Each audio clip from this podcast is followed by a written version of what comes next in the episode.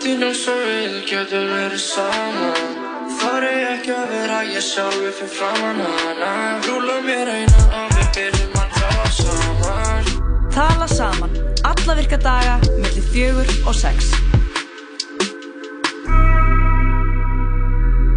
Tala saman yfir göngu sína á þessum uh, þriðu deg Jóhann Kristófer og Lóa Björk verðum hérna með til fyrir 6 í dag. Og uh, það er bara sprengklæðin þáttur í dag Lóa Björk Já, ég er alveg sérstaklega spennt fyrir þættinum í dag. Ég náttúrulega fekk smá frí og fótt í Skotlands en uh, það er bara mér þvílingur heiður að, að fá að koma aftur og vera með í þessum þætti. Já, gott að þú uh, sást færi á því að koma aftur hingað það er ekki bara Fest í Skotlandi. þessi Skotlandi Getur þú ímyndað þær að búa þar? Já, klálega, sérstaklega bara í Edinborg, sko. Já, er bara Geg, Nei, Það er svona Er halli, það? það er svona halli í það er alveg brekkur sko það er á sem rennur í gegnum hana miðja og Já. fara alls það eru kastalar. Aha. Ég sé ekki alveg hvernig hún er eins og Reykjavík, skilur við. Æ, mér kannski, Sorry. nei Varstu Ég- annar staðar heldur en í miðbænum þegar þú varst þar? Nei, ég var mikið í miðbænum, það er bara því að það eru svona stóri klettar líka þar.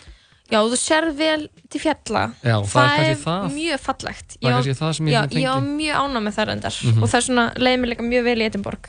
En uh, ok, talandu þáttinn í dag, við erum að eigum vona á sko uh, svona lítilli stórstjörnu, Heldur betur. svona íslenskri stjörnu sem er náttúrulega frábær söngkona og bara svona já, kannski ferskast, að ég veit ekki, er hún ekki svona, svona heitasta pop dívan, skilur Ég myndi að hún væri það Það klárlega.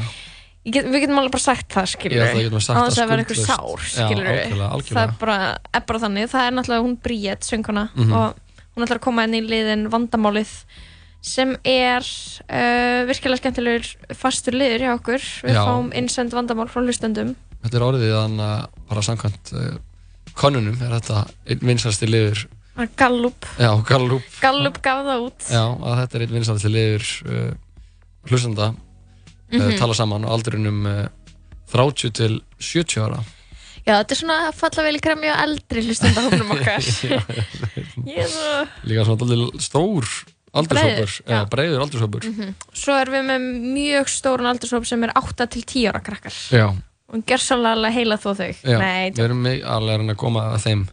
afvagnin Já, og uh, næst á eftir bríði þá Mhm. fáum við til okkur til okkar skáldið Fríðu Ísberg Mhm. og uh, já, skoðanarskurungin hann eh, Bergþór Másson Skoðana bróðurinn, hann Skoðanabróðurinn. Bergþór er hérna með uh, podcastið á 101 sem heitir Skoðanabræðir með bróður sínum, Snorra Másinni Jú, og tja, við ætlum aðeins að ræða hérna mál sem hefur verið í deglunni sem er grei, þetta sprettur upp úr grein sem er ritið á stundina Já. af henni Ölmu Mjöll Heldur betur. Hún er blaðamæður á stundinni og hún skrifaði þetta er núna mest lesna greinin inn á stundinni Mhm. og hvað er búin að segja stundina oft í þessari setningu Já. hún uh, heitir Fendi belti fyrir Já, og þannig að verið að fjalla um sko eitthvað svona tengsl, uh, raps uh, við neysluhyggju Mhm. og svo við áhrif þess á, á sjálfsmynd úrlinga, hún tala við barnasálfræðing og krakka í úrlingadeildum við vinslu þessara greinar Mhm. og upp úr því spretta náttúrulega bara umræður já fólk er að ræða saman sko. ég, ég dætti einhverjum umræður í gær Mhm. náttúrulega fjallaði um mig ég, það, ég er til viðtals í þessari grein Þú ert einn af þeim sem er um að tala við, þú svo að tala við Young Nico, Mhm.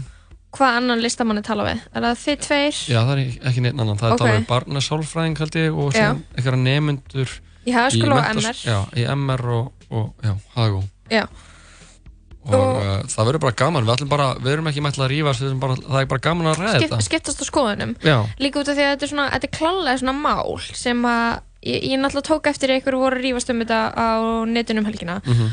og ég uh, fór strax að hugsa byrju, erum við ekki samt mörg hver alveg sammála eða, veist, erum við með Þú veist, er, er, er eitthvað sem við erum sammála um eða veist, hvað er verið að rífast um hérna er verið að rífast um kapitalisma já, og þá enna, það er bara geggjað að svo umræða að sér stundum að það kveika hans í henni sko. mm Já, við þurfum að ræða kapitalisma meira.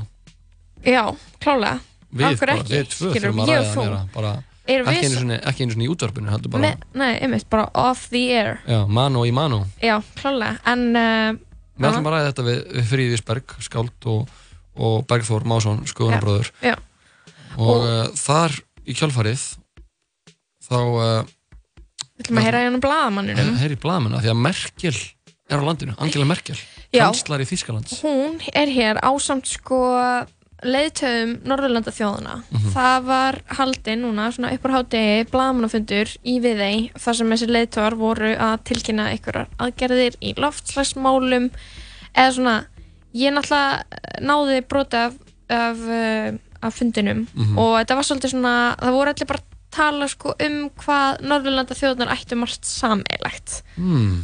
og Áhugavert. eitthvað svona við þurfum að vinna saman því að við erum öll eins. Og ég var eitthvað svona ok.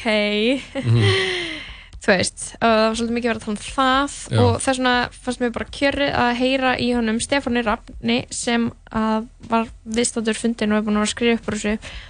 Og svona fá hans að heyra hva, um hvað máli snýrist já, ég er mjög spenntur að heyra hvað Merkel var að Mhm. hvað moves hún var að bösta út í viði hún var út í viði mm hún var bara bókstæla út í viði já, af hverju að fara út í viði eða það- það er cool já, skilurðu. það er alveg cool en það er, það er skemmtilega skemmtilega ákvörðun að ha- halda fundin þar já, og svo er sjálfsögur bara með fréttir og uh, músík Mhm.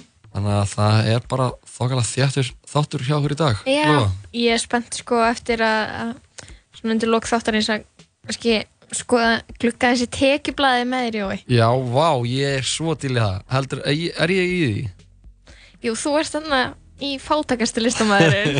já, Hún fær hún fær líka honorable mention í gauðinu sem skuldaði mest í skatt. já, og þannig að með uh, listamæður með minnsta fjármála læsið Bara listamæðurinn sem er með sjö bókara að vinna í sínum Já, málum. og þeir eru samt einhvern veginn, enginn er með að skila Það er því að þú réðir dvergana sjö til þess að sjá.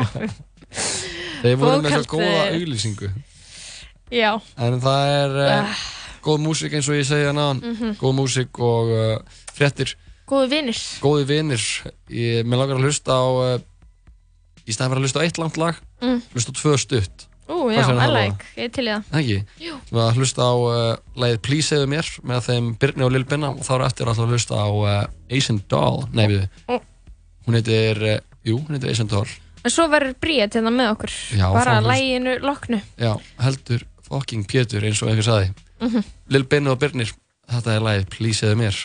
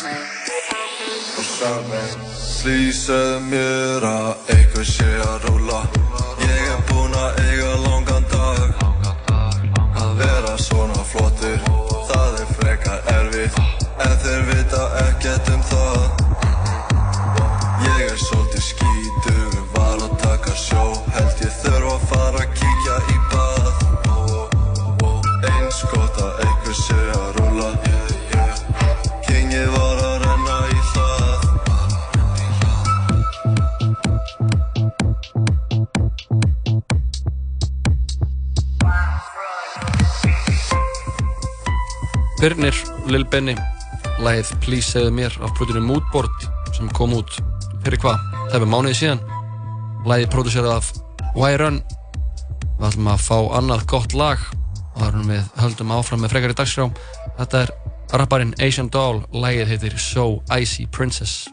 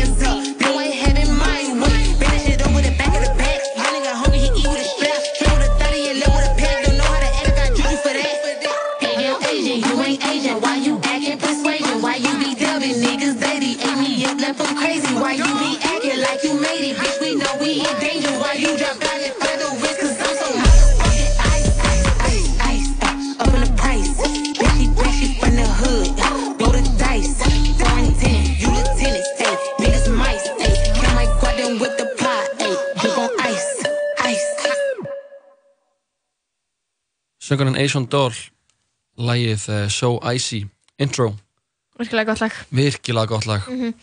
það var einhver smá miskunningur hjá okkur í bókurnarkjærinu og uh, söngarinn bríða þetta ekki ég, við var eitthvað svona, þetta var miskunningur mín megin sko. En uh, hún kemur hún til okkur eftir. Ok, ég þarna uh, ef hún er að fara að koma já, hún er að fara að koma sér satt, kannski setna já, ég vona það. Ok, uh, en ég var sér satt í Skotlandi og þú varst að spá í hvað ég var að gera þar. Mhm. og varst ekki að reyna að segja að Ediborg væri eins og Reykjavík Mhm. sem er mjög fyndið sko. Mhm. og ég hugsaði það bókstæðlega í lestinni bara, já, þetta er eins og Ísland nefnum með kastalum, skilur já, en uh, ég var á Friends. Edinborgarháttíðinni ég var á Edinborgarháttíðinni Já. er Edinborgarháttíðin öll Friends eða er ein Edinborgarháttíð og svo svona Friends-háttíð veist hvað við? ég held að hún væri bara. Edinburgh Fringe, væri bara Edinborgarháttíðin já, ok, ég velti þessu mikið fyrir mér sko, hann þorði ekki að spurja Skilurðu? nei. þetta er svona eins og vera í ammali og vera eitthvað hver á ammali? Mm -hmm, ok, allavega, þetta var geggja skemmtilegt en það er ógeðslega mikið af fólki já, það er bara pakkað, Já. þannig að við á endanum fórum til Glasgow sem var mjög skrítin borg hefur já, komið til Glasgow? nei, ekki komið til Glasgow ég var smá svona, hmm það greip mig ekkert í Glasgow sko. nei, Glasgow Glasgow um, en eitt sem ferð þú stundum til Breitlands og bara byrjar að tala með breskum hreim eða? Já. er það bara ég? ég tala með Bergsson heim því þegar þú veist í Breitlandi Já, pardon. ég, bara, ég get ekki, ég bara, þú veist, errin verða skýrari og eitthvað svona Mhm. bara hætti að vera með bandarískan heim Mhm. mann líður svo lúðalega að fara sem Íslandingur til Breitlands og tala með, þú veist, bandarískun hreim þar Já, ég hef aldrei talað með bandarískum hreim sko. Ég hef aldrei verið þar Því ég hef verið að fara til Breitlands ég að krakki Já, ég skil. bara Hello, bara líka í New York Bara- How are you? þú veist bara, oh, I'm in the Nei, Big af því Apple að síðan, ok, nei sko, síðan síðan fer ég til New York núna í apríl Mhm. og þá er ég eitthvað svona að reyna að tala með amerískum hreim og það er bara ógslag erfitt Mm. Ég vildi freka bara tala með íslenskum hreim já, já, já Mhm. bara hey, how are you? Mhm. Good my friend bara svona En ferð þú alveg bara í New York bara hey, Ég er með, já, ég er Nú með er komið alveg að gefa mig dæmi Ég er alveg með, skilur góðan bandarískan hreim Ok, sem ég vinn með í, í Já, bandaríkjunum. Hvað er með, má ég heyra? Geta ekki, sko. Jú, þú getur það. Ég Segðu held bara, ekki. Hey, I'm Lóa Björk. Uh, I'm a radio host and a comedian from Iceland. Getur þú sagt það með? Ok, Já. bara að ég er að fara að skammast mér svo mikið. Nei, ekki gera það, Ok. bara við erum hérna tvö, það kannski einhverja hlusta. Ok. Hey, I'm Loa, I'm a radio host and I work at 101 How are you doing? Hey, how are you? Hey, how are you? Já, ok. I love being in New York, it's awesome. Thanks for having me. Já, þú ert alveg bara mjög, mjög solid nú mm. hreim Takk, ég er bara var hann í sex mánuði. Já, og pikkaður einn þar. Mm En svo, um, þú veist, það er bara svo lúðalegt skilur að vera einhvern veginn ekki í bandaríkjunum eða vera ekki að tala í bandaríkjumenn en samt með einhvern hreim, bandarískan hreim mm -hmm. Þú Já, já. veistu hvað ég við, þú veist eitthvað svona uh, Og hvernig kynntur þið þú varst í Breitlandi núna? Ég er bara, hello. I'm Lóa Lóa náttúrulega- Ég náttúrulega sagði aldrei nafni mitt bara eitthvað á kaffihúsi, skilur við I'll have two scones, I'm Loa Ég gerði það ekki, sko. Nei, uh, En já, ég, þú veist, ég elska Breitland, sko. Já, Ég elska bara breska mat og að fara á pubin og eitthvað svona. The pub. Ég þú, ég mér finnst leiðilegt hvað Grab bresk, a couple of pints. breskur, breska matur fær eitthvað mikið shade. Hann fær heit, sko. Og það náðu ekki skila, hann er góður Hann er, já, sko, hann fær náttúrulega bara shade af því að hann uh, af því að það var á strísárunum Mhm. þá var skortur á mat mm Klálega, og uh, þá var bara, þú veist, þurfti bara það er bara kvætta niður skatta niður og, og þá var það bara, Mhm. voru það bara að baka bönir og eitthvað dæ- dæmi þannig að hann svona hann, það hefur dreifð aldrei alveg dilk eftir sér aldrei í, í matagerja breytum að, fólk er að elda að, að svona, mm. að, hefðin hún svona brenglaði smá þannig á þessum tíma. Já, það var náttúrulega, það var náttúrulega mikið af þessum kartöflum borðaðar, skilur Já. við og kartöflur eru náttúrulega bara be best já. besta, besta grammeti sem til er, sko. Fyrstu er haggis? Nei, ég er grammeti þetta. Já, Ég fekk mér ekki haggis, ég fekk mér vegan haggis. Já, Það var gott. Já. Um, haggis er náttúrulega bara slátur. Já, og black pudding já, fyrir er hlustendur þá er haggis Mhm. uh, eins, eins og slátur. Að bara bókstæðlega eins og livrapilsa eins og lirapilsa, nema það er sett í samlóku, og grilla brauð og já, já, já. En það er líka uh, eitt sem kæristinn minn benti á Ég var þarna með kæristanum mínum og hann uh, er þetta. Hann bara borða það sem hann vill og vill alltaf smakka eitthvað úr þú veist matamenningunni. Já. hann fæ sér black pudding, fæ sér haggis og þannig. Mhm. hann bara já, betur, þetta er svona eins og ef, ef Íslandingar verður að gera slátur nema þeir myndu nota krydd þetta er basically sama dæmi. Já, bara, það já. er bara eitthvað, eitthvað krydd í þessu sem er gott sko, Mhm. og náttúrulega ég held að sé aðalega bara salt Já. í livrapilsu og, og hvað heitir Það hitt? blóðmör.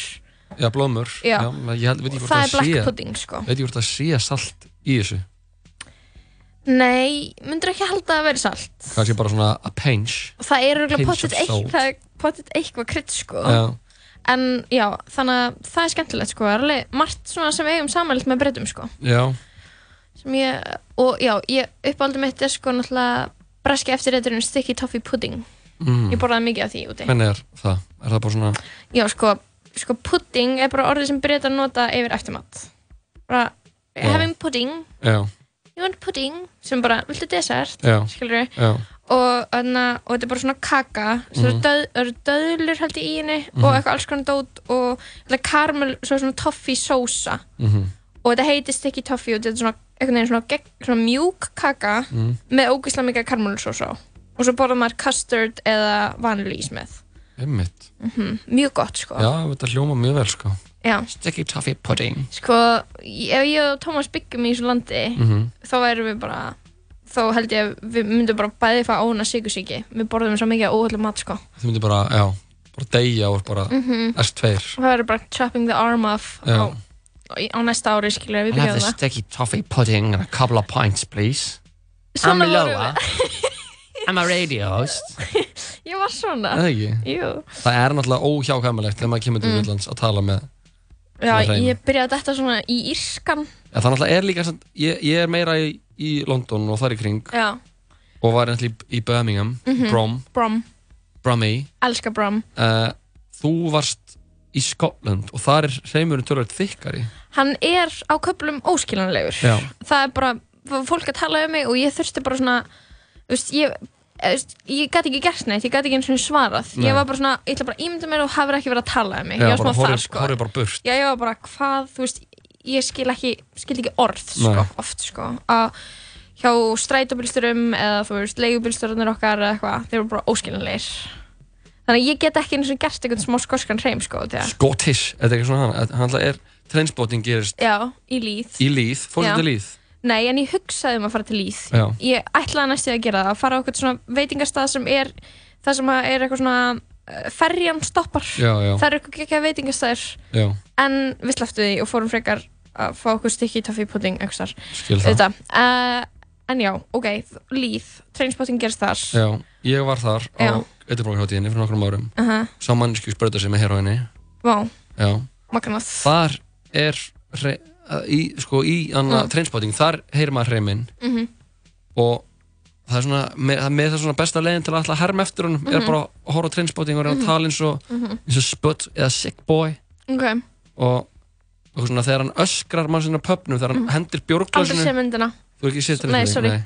Það er svona senað sem uh, Robert Mm. Carlyle Mhm. leikur svona, hann leikur svona geðveikagörn í hóknum Mhm. og hann stendur hann á bar og það, hann er upp á svona svölum og hann hendir svona bjórglasinu, klára glasið og hendir svona aftur fyrir sig Mhm, mhm. bara hann í, onni kráta fólki Mhm. og síðan í næstu sinni er hann komin niður og það er bara kona sem hefði fengið bara glasið bara framan í sig og bara blæður og hún er eitthvað og hann er eitthvað who the fuck eitthvað, it, yeah, eitthvað svona kemur eitthvað svona Já. með að svona það er svona svona skoskan hún er svona rennur svona skindila þeir eru með orðið á tungunni sem er svona yeah, við Mhm, mhm. Ég ætlaði með að leika skota og út í Skotlandi og Tómas var eitthvað þú veist, þú ert bara svona eins og sjónræningi. Ég var bara eitthvað, jarr. Já. mér finnst skotar vera smá svona eins og sjónræningar, skilur, Já. eitthvað jarr, jarr, jarr, einhvern veginn. Þeir er eru það smá sko. Sem alltaf er írskir heimurinn hann er geggjaður, ég elska Ískan heim Hvernig er hann? hann er svona eins og svona norður englendingur. Mátt kynna er, þig. ok. Nei, ég, ég get ekki leikið hann, skilur en ég, svona, ég veit hvernig hann er í haustum á mér Roa er ekki svona I'm from Ireland. I'm, I'm I'm, a, I'm a Irish. radio host from Iceland. I work at the 101 live radio.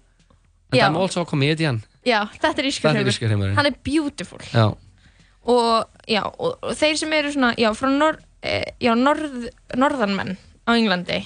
En Northerners? No, Northerners, þeir eru með svona, svona vægan eins og Ískanreim það er bara fallegasta enskan. Norður England, hvað er það? Hvað borgir eru þar? um, byrju, Það er ekki það er ekki Liverpool. Er það í norðurinu? Ég er Um, svo lélugur í landafræði. Lillu landafræði. Já. ok, um, byrju ég manna það ekki. Ég veit ekki hvað borginar eru, ég bara, þú veist, kynntist svona fólki í London Já, þegar ég bjóð þar. Uh, en sko, Manchester er náttúrulega og Liverpool eru vestur heimannir sko. við getum alveg sagt það. Hreint út, eins og Mm. það er, það eru vestu ennskur heimannir ég er eiginlega ósamala Cockney finnst mér að vera vestur það, Já. Hefur hórst Love Island. Þar sl- Þar heyr maður allan skalan af þessum hreimum. Mm, mhm, mhm, og meira segja einhverja einhverja Irishman as well. Mhm. Uh, Já, mér finnst Já, veit ekki, hann er sem svo fallegur líka. Þetta er allt bara frábært. Mér finnst allir, allir svona þessir breskur heima vera bara frábærir. Já, en þú veist Vestir heimurinn er, er ert frá LA já, það er rétt Hey, how are you? I'm great. How are you? Yeah, like I'll totally, I totally, mhm yeah, yeah. I'm an actress. Eitthvað svona is this gluten free? Is this? Er, Can I talk to the manager?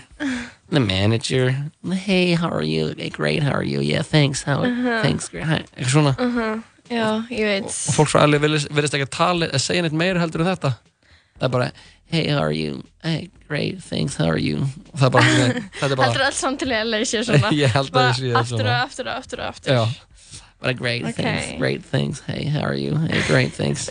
Og talandi um hreima, þá langar maður að spila eitt lag með tónlistamanni sem er með hreim. Mm. Hann uh, heitir Mike Skinner. Mike Skinner.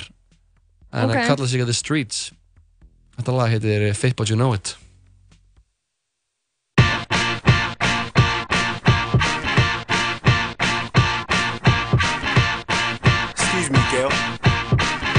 I know it's a bit embarrassing, but I just noticed some tan lines on your shirt. See, I reckon you're about an eight or a nine. Maybe even nine and a half in four beers time. That blue top shop top you've got on is nice. Bit too much fake tan though, but yeah, you score high. But there's just one little thing that's really, really, really, really annoying me about you, you see. Yeah, yeah, like I said, you are really fit. But my gosh, don't you just know it? I'm not trying to pull you, like to. I think you are really fit.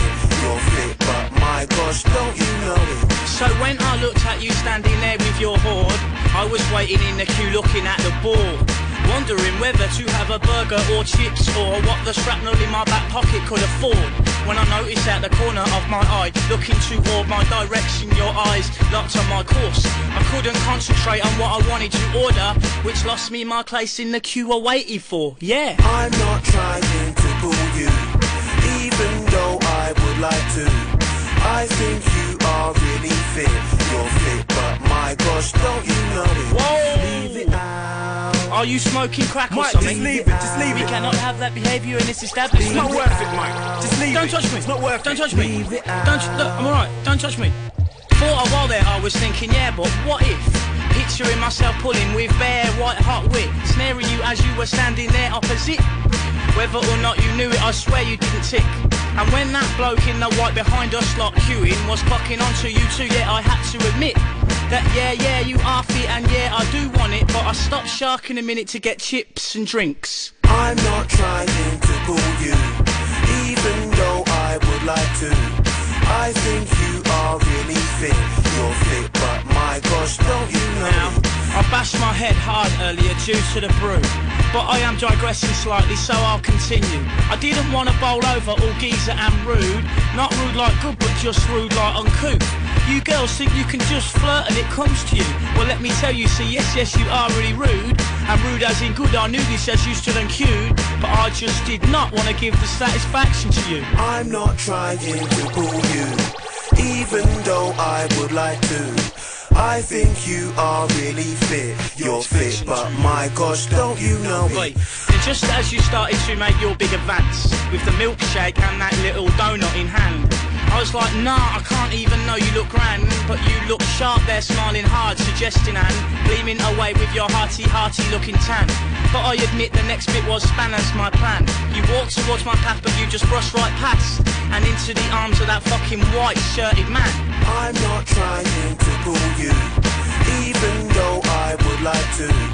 I think you are really fit.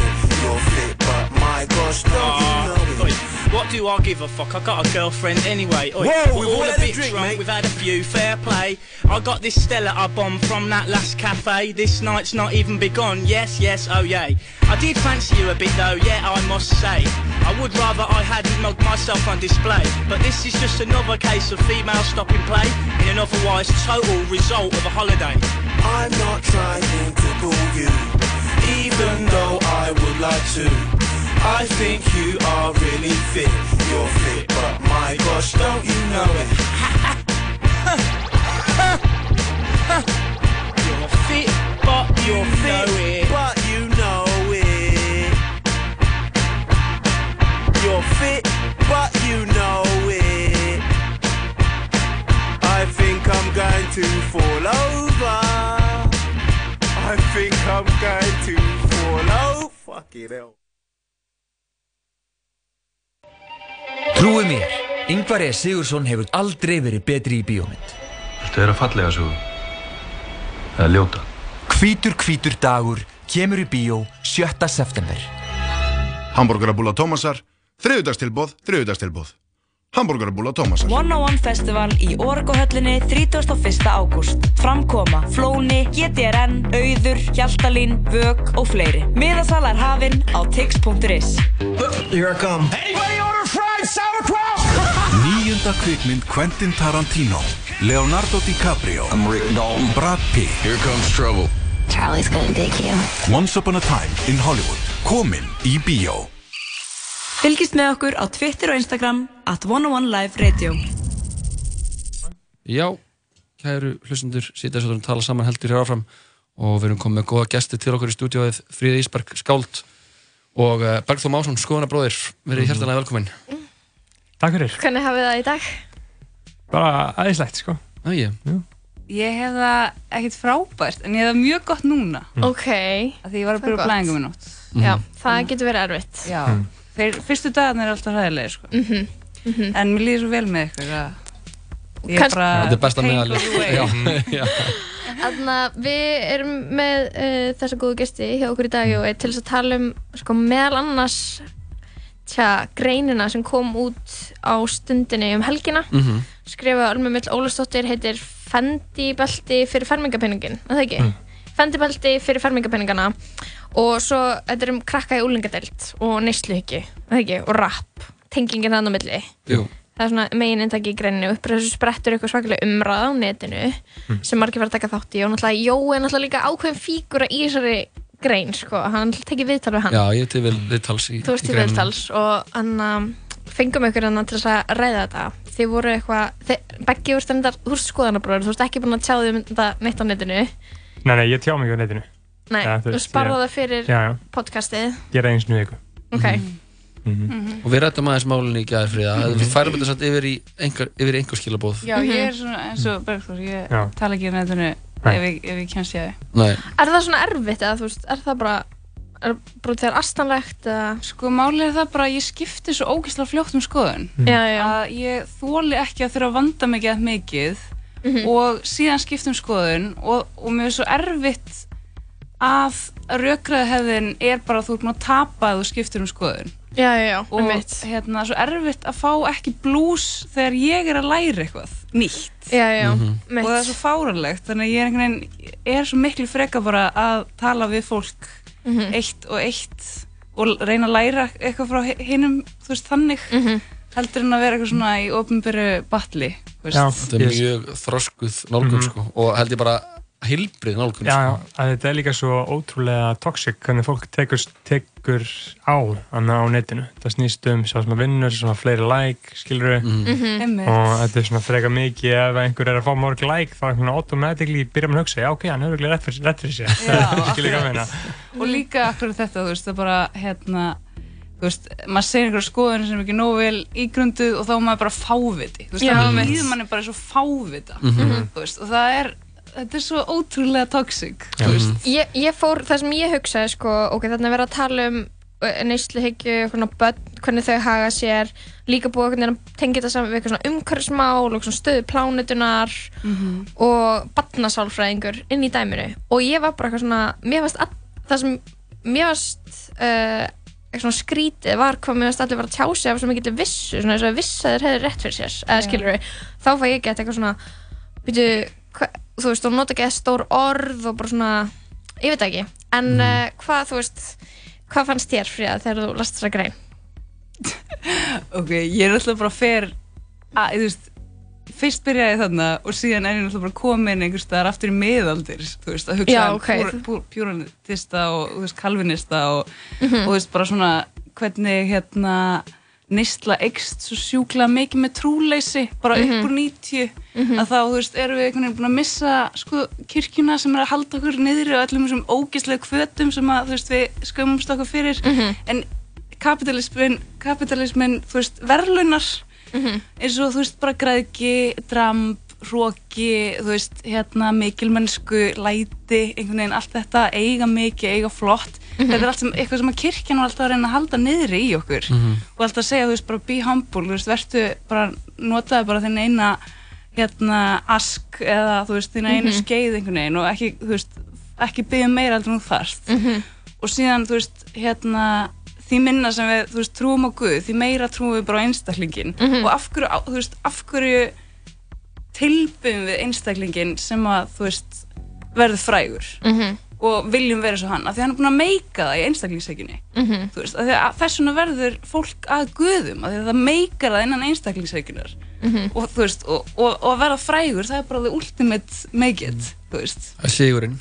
Það er bara sigurinn, þú veist, í innan þessa kerfis. Nákvæmlega og við erum bara svona, þú veist, og mér er ógísla fyndið að horfa, ok, sorry, ég er svo æst en Allt mér svo í góðu. fára lindið að horfa á þessar umræður að það er verið að smætta þessa smætta þetta vandamál, svo brjálaslega mikið Já. niður í eitthvað skotgrafa af því að skotgrafa, þú veist, hernaða dót þú veist, af því að af því að við erum bara, þú veist, við viljum að þetta breyt, breytist, við viljum ekki að það sé verið að græða okkur við viljum ekki að, þú veist vera flónið einhvern veginn Nei.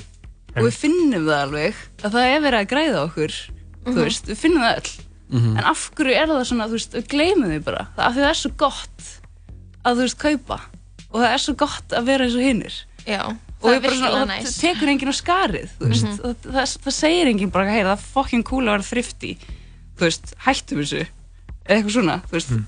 það, þetta er bara svona ringur sem að bara held, viðheldur sér Mhm.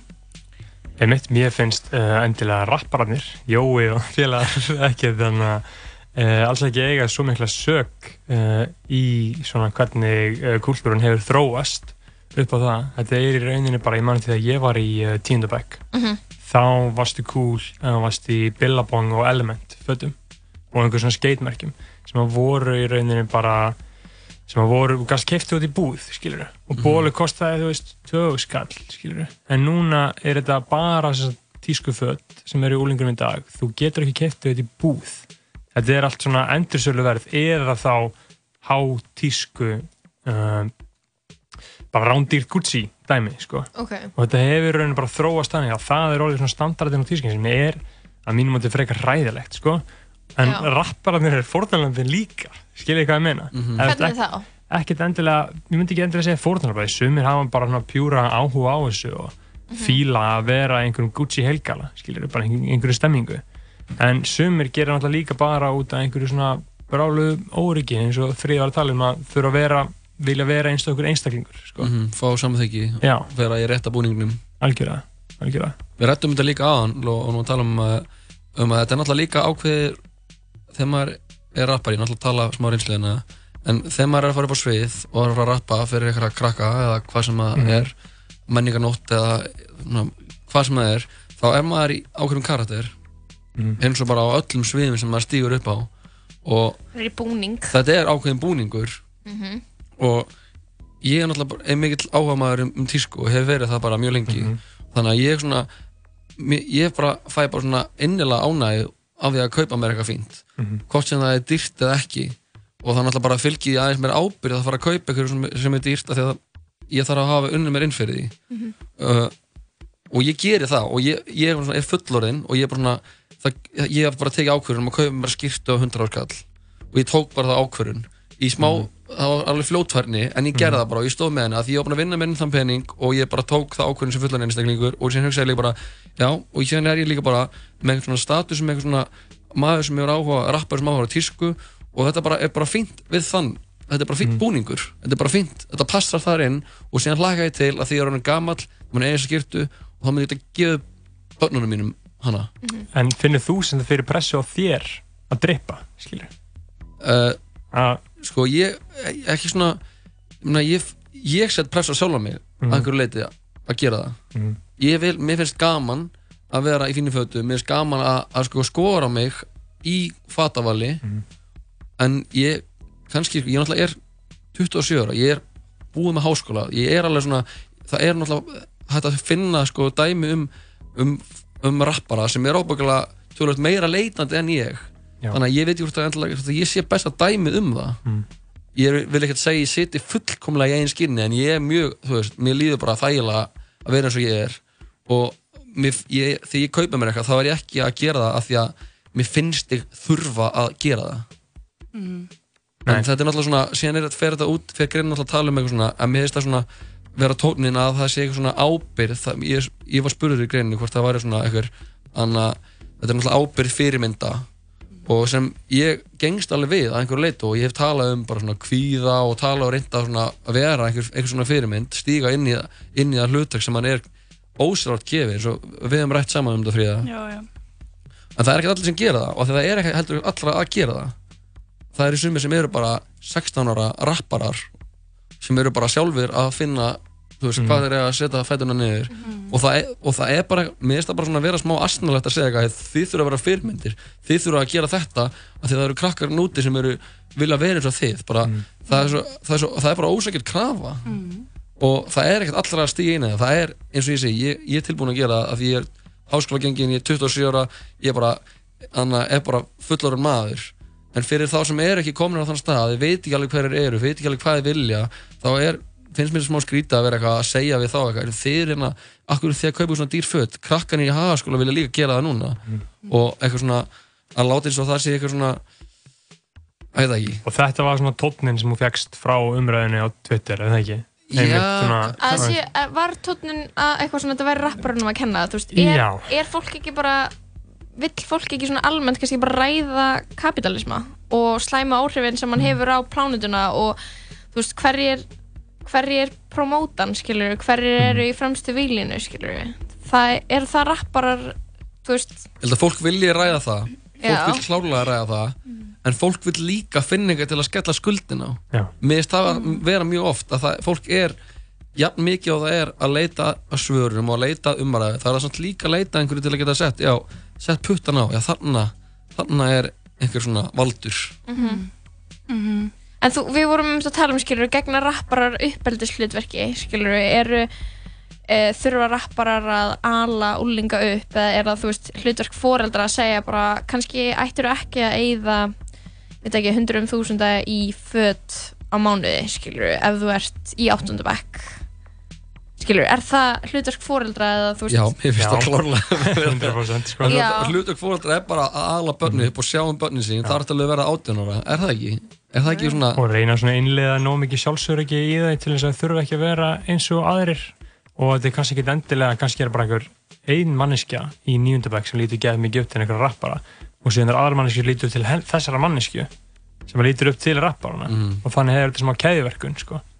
það er snýst bara um að fóróldra bara alveg börnin sín, senda þau huglistan á skeið snemma og þú veist látið þau verða bara svona alvöru karakter sem að þarf ekki að eh, bara vera eins og allir hinnir sko.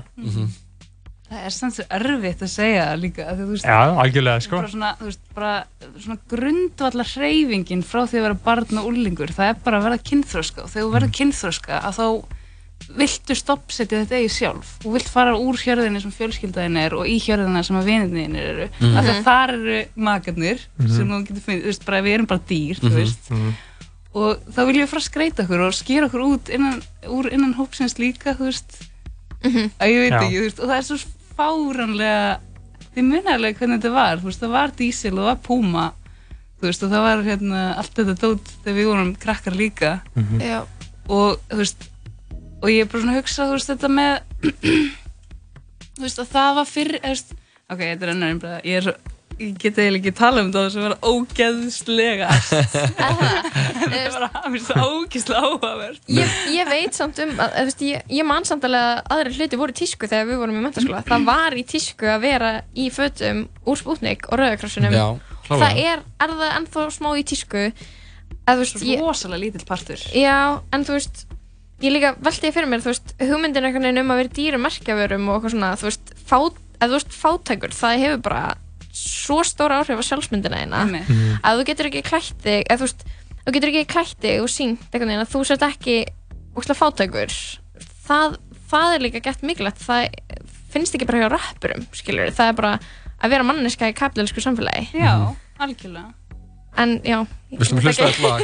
Hlustum á eitt lag og síðan heldum við áfram að spjalla Og það er lag sem er svona vitnað í, í, tit, í titli greinarinnar Mm. uh, Fendi fyrir uh, fermingarpenningin Og hann er spurður hann í Young Nico Drippin í lok viðtalsins Af hverju hann var- ákvað að gera þetta lag sem heitir, snjó, Snjókvít Fendi Það sagði hann, ég var nýbúin að kaupa mér Fendi-belti og langaði að gera lag með það Mhm. Ekki bara hlusta á á lagið. Nico, maður. Þetta Sá Nico sannasti. Drippin Ísleifur og Silki Klútur með lagi Mhm. Snjókvít Fendi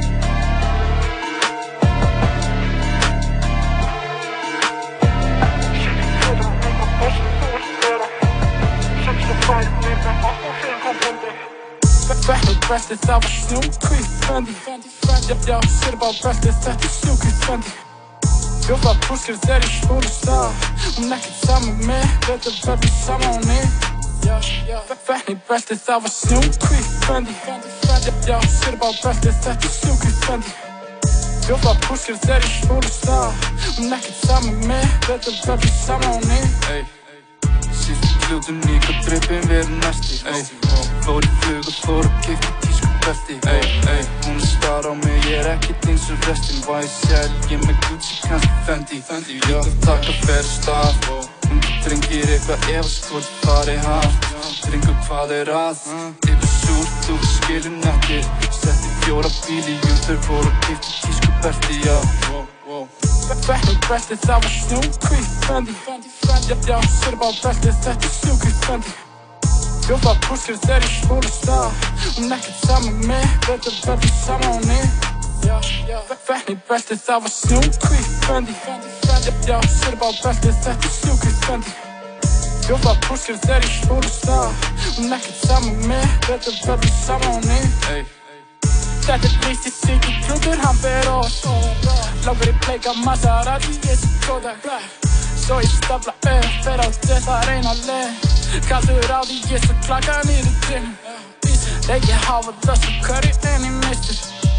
Ég og Nico ekki deyn svo flestir Ferður nýsan, þetta er rekta eins og bestir Ferður nýsan, þetta er rekta eins og bestir, Fækni belti, það var snjókví Fendi, já, já, sér bara belti Þetta er sjúkví fendi Fjófa púskir þegar ég spúla stað Hún ekkert saman með mig Þetta verður saman á henni Fækni belti, það var snjókví Fendi, já, já, sér bara belti Þetta er sjúkví fendi Fjófa púskir þegar ég spúla stað Hún ekkert saman með mig Þetta verður saman á henni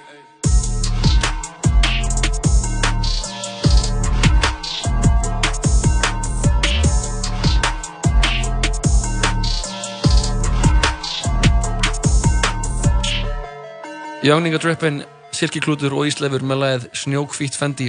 Við erum að ræða við Fríði Ísberg og Bergþór Másson um uh, grein sem kom á stundin um helgina um uh, hvað, tengsl rapptónlistar. rapp, Já. einstaklingshyggja, markaðsöflin, eitthvað svona, og rapp Já, og alltaf, alltaf besta, endalega staði En veistu, ég spyr mig, ég náttúrulega þú byrjar að spila þetta lag og ég hugsaði bara, hvað er ég að eitthvað svona tjá mig hérna, ég skil ekki rappara, skilur, Mm. ég get ekki sett mig í þau spór að vera heima og vera bara að ég var að gera lag um beltið mitt, skilur en svo er ég bara að spá, skilur, er ekki meira toxic ef við ætlum að tala um þú veist, eitthvað svona fyrirmyndir og eitthvað, er ekki meira toxic að vera ungu sjálfstæðismæður heldur en að vera ung rappari? Skilur mig? Það ekki að spyrja mig að því, sko. Nei, heldur ekki, held, heldur ekki mig, sko.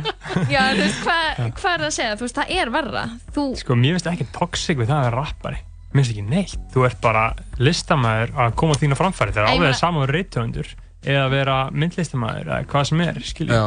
Þú veit, að þú að spyrir mig þá er rapp aðeinstlega listformið bara alveg frá mínu, þetta er bara reyta orð yfir einhverjum takt sem lætur fólk annarkoð bara ú, finna fyrir einhverju eða lætur fólk dansa, Mhm. eða lætur fólk hugsa eða hvað sem er, alveg eins og öll önnu list. En síðan myndast svona einhvers konar bylgjur í kultúrnum sem koma alveg á bandaríkinum og ég held að vandamálinn séu af hverju rapp er svona smá talið verið toxic. Út af þetta kemur allt frá bandaríkinum það er enginn að hlusta á þú veist, bandaríkin eru heimsveldi rappsins að það fættist þar Mhm. síðan hefur þetta þróast allt bara út frá í rauninni gildi og menningu bandaríkjana og það hefur allt bara komið inn í Íslands og danst og allstar Mhm. allt euróst rapp er bara basically bandarist rapp á er, á tungumálinu fyrir utan kannski brest rapp, það er smá munu þar sko Já, það var líka sko ég kom inn á þessari grein að þetta náttúrulega bara kemur frá bandarækjunum og, og uh, að þetta bling og þetta flex það á rætu sína er ekki bara að þetta, er þetta verður til bara í fátækjakvörum Mm. og það eru, eru, bara, eru bara menn mest, þetta eru mestmægnis menn og núna meira konur sem senum tíð Já. að, sem eru bara að skilgrina sig bara í fatnaði frá hinum sem eru með með fátækjakvörunum þannig að þau eru að segja bara ég á pening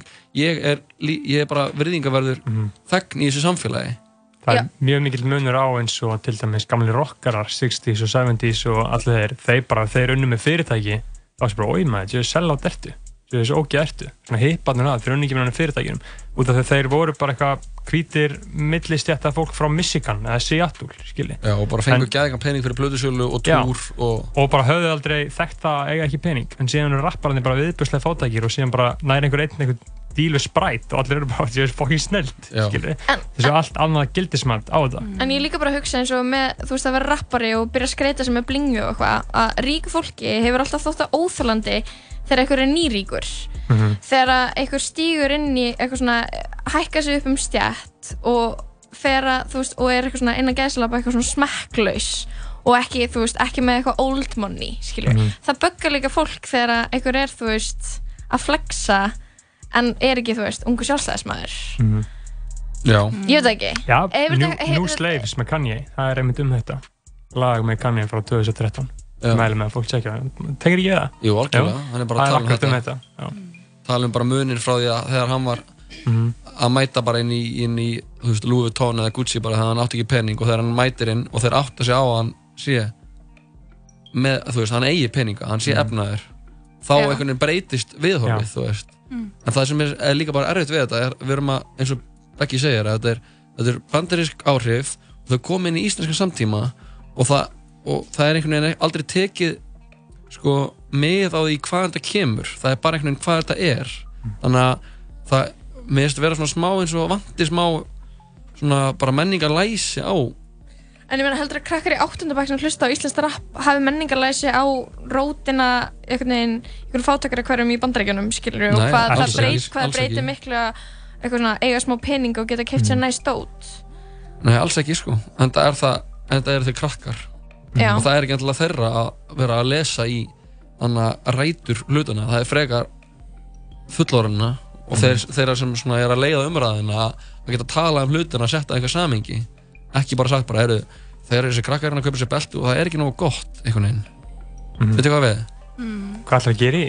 Hvað ætlar að gera í? En maður spyrja, sko, að því að, þú veist, einmitt, þetta er narratífa sem að fer yfir hafið og kemur til okkar aðeins setna heldur en það er að gerast uppáflega Mhm. og algjörlega, sko, fyrst frá í rauninni stjættabaróttu, þú veist, við tökum kannski, ekki ég náttúrulega, en við kannski, hérna, Norðurlöndin og svona, Evrópa, taka inn rappið, taka narratífina með, Mhm. þú veist, inn í það, taka kúltúrun með, eh, eins og þú veist, bara, bara það veist, að rapp er bara svolítið mikið um vald veist, og það er meira, miklu meira um vald í rappi heldur en í ra- rauninni um, þú veist, í öðrum tónlistargreinum myndi ég segja og þú veist, þess vegna langum kannski að spyrja bara finnst, þú veist, upplif, upplif, upplifið þið einhvers konar fyrringu á milli íslenska rapsins og bandaríska rapsins eða upplifið, þú veist, eins og þeir séu að veist, eiga í samræðu við veist, þessa hefð kannski. Sko, þetta er líka annar punktur í þessu er að rap er uh, ekki í rauninni bara einhver svona jaðast þetta lengur, þetta er bara pop. Þetta er bara pjúra það vinsælasta tónlist sem til er í heiminum í dag með tilkomin Spotify og alla streymisveitnana þá var það rap uh, vinsælasta tónlistar tegund heimsins og það náttúrulega skapar alls konar vandamál með það að fólk er ekki alveg með þessa stjættin- stjættavitund eða menningalæsi til þess að skilja hvaðan allt kemur. Og þá eru svona uh, mikið af svona hvítum krökkum sem svona algjörlega miskilja og glorifæja svona fátæktina og eimdina sem að fylgja því að vera mm, jaðansettur í minnlutahóp Mhm. sem að margir rapparandi koma upp úr bara að hafa bókstala ekkert í allt í einu meika og þá eru þeir kannski ekki alveg og við getum heldur ekki verið að gera þá kröfu á þá að þeir séu einhverjar svakalega fyrirmyndir en það sem að þeir gera leiðir, sig, leiðir út af því að, að aðri krakkar gera sem leiðir uh, á endanum bara til Íslands Mhm. og til rapparan okkar skiljið hvað ég meina mm. Akkurat Já, en það snýst að það er algjörlega það, það, er, það er samtal finnst mér á milli íslenskar tónlistar íslenskar raps og bandarískar raps að þetta er bara, það er í forminu Mhm. eins og bara það er samtal á milli bara á milli bara íslenskar bókmynda og bandarískar bókmynda það, þú veist, það, það, það, eru form þau eru, eru Mhm. komur mismöndu umhverfi en það auðvitað er, er einhvers konar það er einhvers svona skekkja á, á þessu menningarlæsi veist, að vita hvaðan eitthvað kemur og, og, og en það er einhvern veginn en það er líka bara þessi hana, postmoderníski heimur sem við lifum í að það er einhvern veginn að hlutin er það kemur eitt element og við gerum okkur ekki grein fyrir að það er eitthvað svona rót þar undir. Og það eins og komum inn á það er, þú veist, það er erfitt að gera þá kröfu að það sé alltaf meðutundum með þessa rót. Já, ég meina, það mætti bara færa rauk fyrir því þannig séð að bara að Íslandingar séu að rappa er bara menningarnám. Þannig séð Já. Bara að Eða- séu bara að rappa Já, sérstaklega þegar þetta á eitthvað já, miklu meira sammeilagt með eitthvað bandarísku rappi heldur en rýmum Já. og íslensku bókmyndahefð eða eitthvað skilur já. það er ekki eins og þetta Mhm. komið þaðan skilur við Já. Æ, ég En veit sko, ekki kannski ef ég útskýra mig aðeins betur þá er ég tala um meira bara svona valda baráttan sem að Mhm. er narratífan innan rapsins Já. er að þú veist Mér ég finnst hún ekki koma fram í íslensku rappi sko mér finnst það nefnilega hún koma svolítið fram en Já. mér finnst hún náttúrulega sko svolítið grunn eða þú veist, Mhm. af því að, af því að þetta, það er ekki bara, let's face it, það er ekki jafn meil sársöki, þú veist Já. milli stjætta, þú veist, á Íslandi Nei. og ég er ekki að gera lítið úr sársöka mennlutuhóp á Íslandi en það bara hefur ekki verið 11% hingað til, þú veist, á Íslandi eins og hérna, eða 14% bandarækjamanna eru svartir þú veist, þannig að þetta er svo ógslag stór hluti af þjóðinni sem að er, þú veist, undirókaður Já. um, þar og bara þrúandi skilur nýfrálsíkja og bara já, og ójöfnur, bara svona almennt sem Já, að bara Íslandingar geta ójöfnuður. ekki gert sér í hugalund einhvern veginn, Mm. bara hvað það er hvað þú átt Mhm. engin tækifæri skilur við, þegar þú fæðist fátakur í bandaríkjunum Einmitt. en það þýðir samt ekki einhvern veginn að sé ekki sökka að vera fátakur í Íslandi en ég hef, ég hef ekki oft fengið á tilfinningur að íslenski rappara sé að rappa um bakgrunnin sinn og fátækt og eitthvað en eða þú veist, hef ég rámt fyrir mér mm, sko, það er meira kannski að hafa verið í neyslu eða eitthvað að rappa það það Já. er kannski svona sársökin sem að kemur mikið fram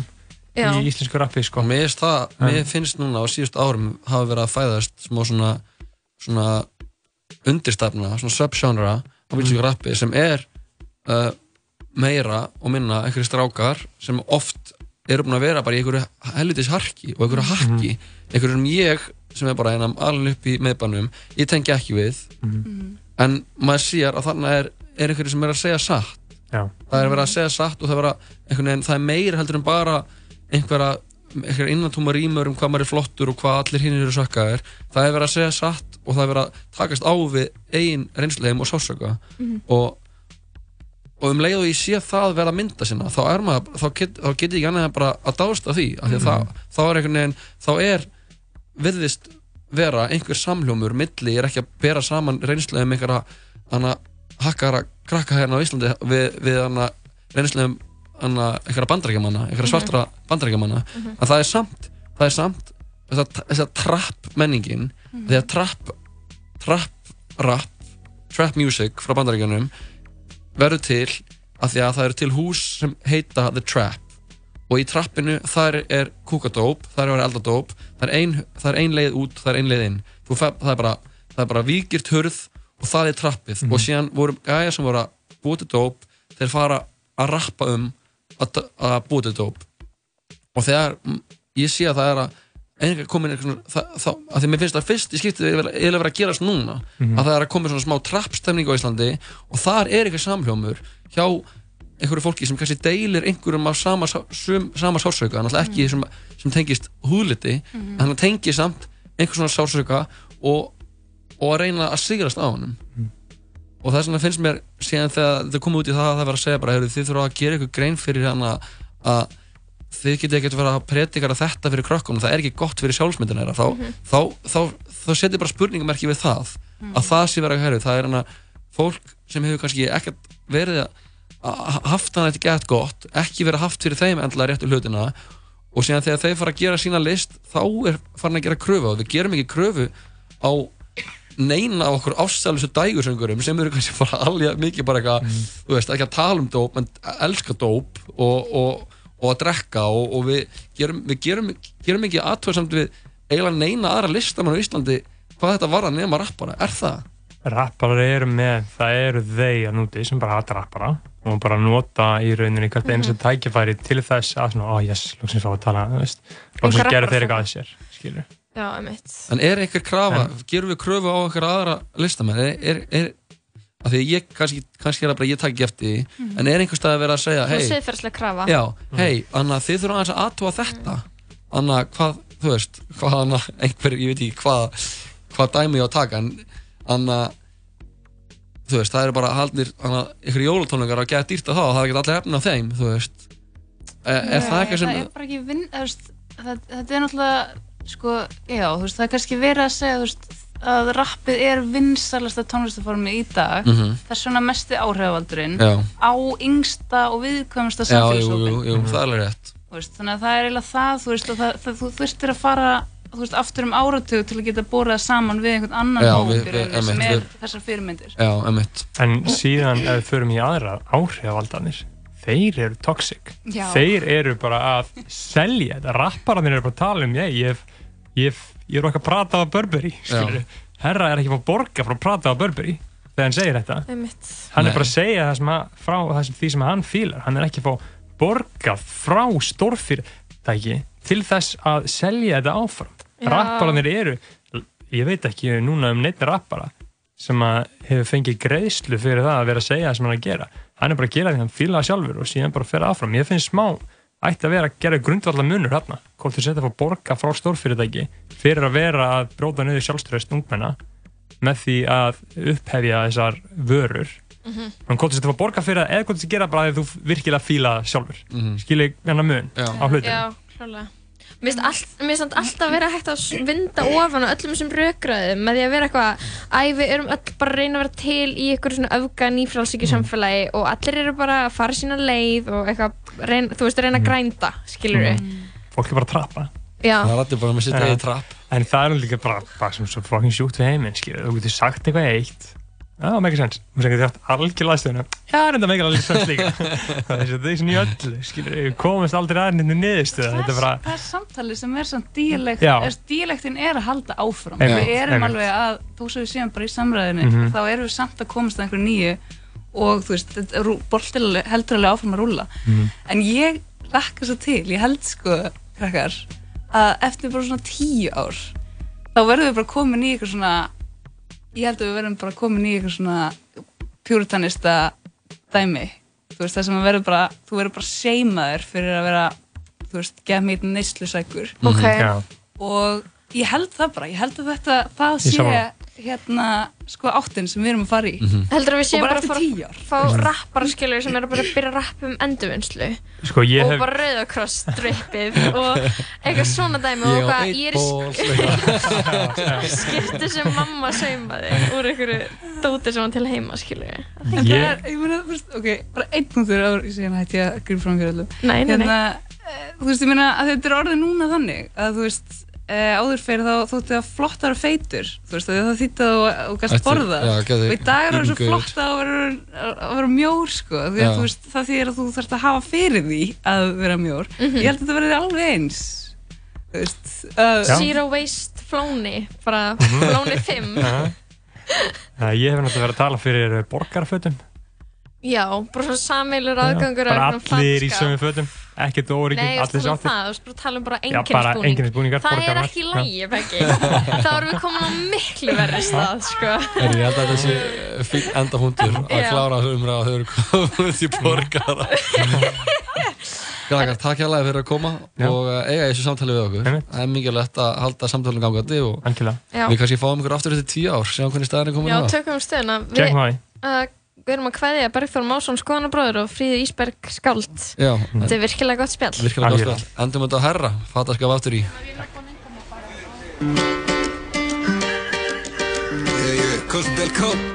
Yeah.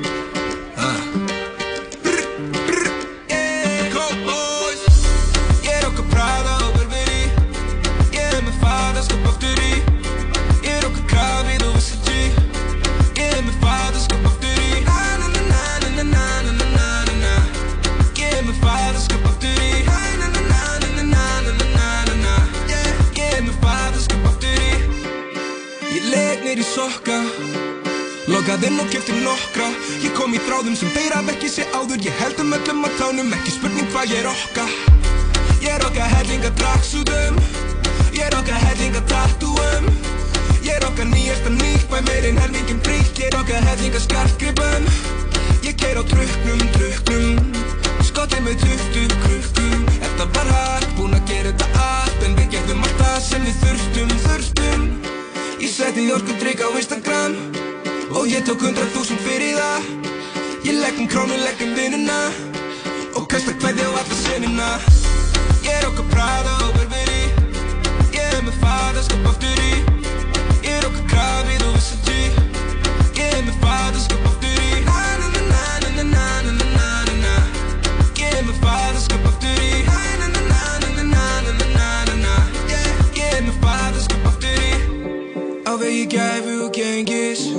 Á vegi gæfu með gengi Búla upp, rúla gröð, bara ég og speil 20 mínútur heim að telja pening yeah. Byrði ring og kefti fjóra yeah. Byrði gæti verð með stóra. Þessi gauðra hafði ekkert upp á að bjóða. Eina sem þið geta er að fucking undirbjóða Báði fastinn þátt í miður. Held okkur við spilum Tíu lög í spilun. Hundra miljón króna helís á vísun ég kann mig. Var enginn sem fann mig Getum þetta sjálfur Ég setti auðlýsing á Instagram Og ég tók nokkur undir fyrir það.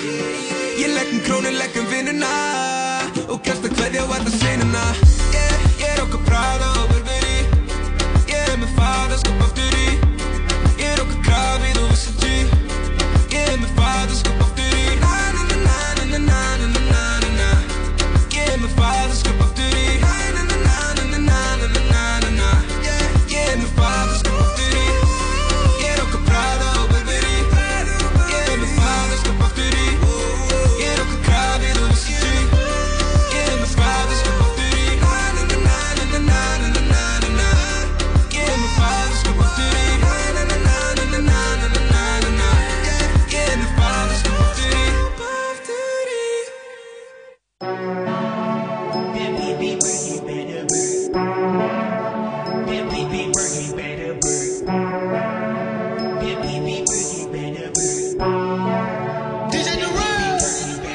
I bought my bitch a bag. I bought a lot of ass. I bought my bitch a bag. I bought a lot of ass. My C no longer slash. RP the Nipsey, yeah.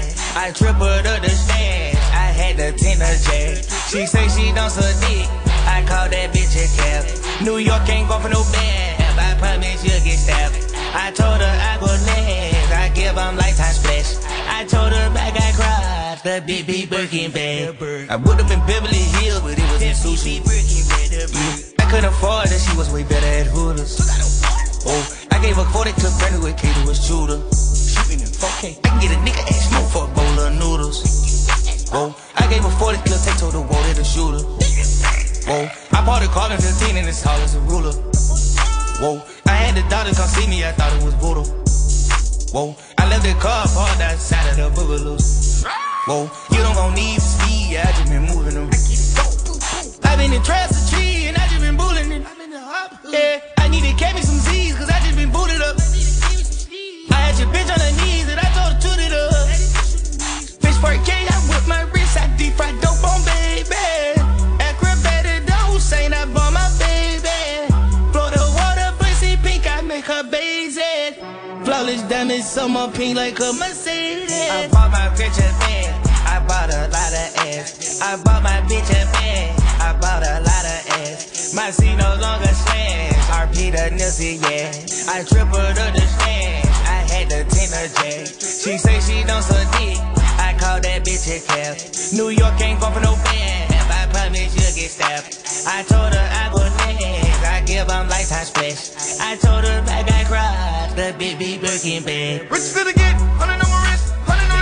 hundred on the clip, hundred on his head. Watch better flip, hundred on my bitch, couple on crib. I can never rap, I can the chill. I would never fuck, I just got to live, I just got to live, I just got to kill, I just gave a call, I just got to feel. Hopping out the jet, I can get a wet, Louis Vuitton chest under my neck. I came with the dress, I take the VVS on my neck. The bigger they get, I came for nothing, two fucking bastards. I'm a slime ball, baby, on Tetris. Iced out, armors belt like a wrestler. Fuck her good, but I never kept him. I bought my bitch a bag. I bought of ass. I bought my bitch a bag. I bought a lot of ass. My C no longer slash. RP the Nipsey, yeah. I tripled up the stash. I had the jack. She say she don't suck. I call that bitch a cap. New York ain't going for no band. I promise you'll get stabbed. I told her I go next. I give 'em lifetime splash. I told her I cried. The big big Birkin bag.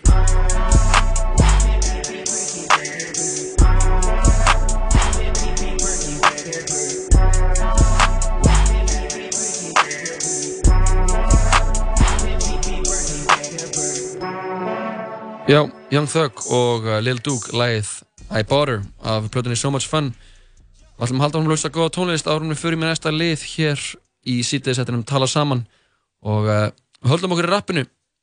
Fyrirlegt nokk að við séum að hlusta á rapp í dag. Nei, ég segja svona, við vorum að klára umræða við Fríðu Ísberg og Bergþór Másson um uh, neysluhyggju og rapp tengslinn þar á milli og kortið síu næst fara okkur yfir í Roddy Rich lægið heitir Down Below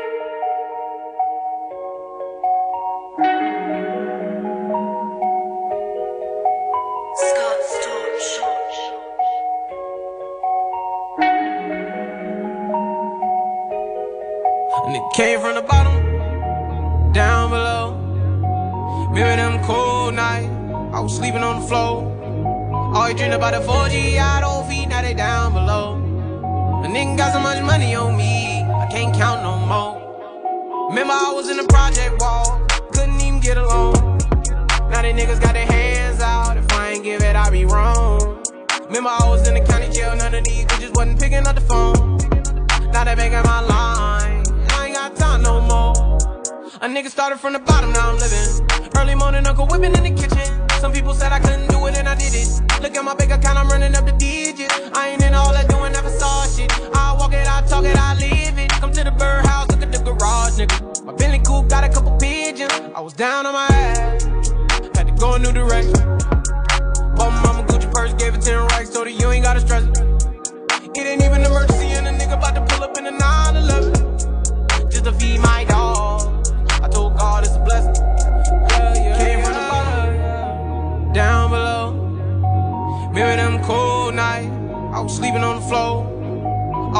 waterfall.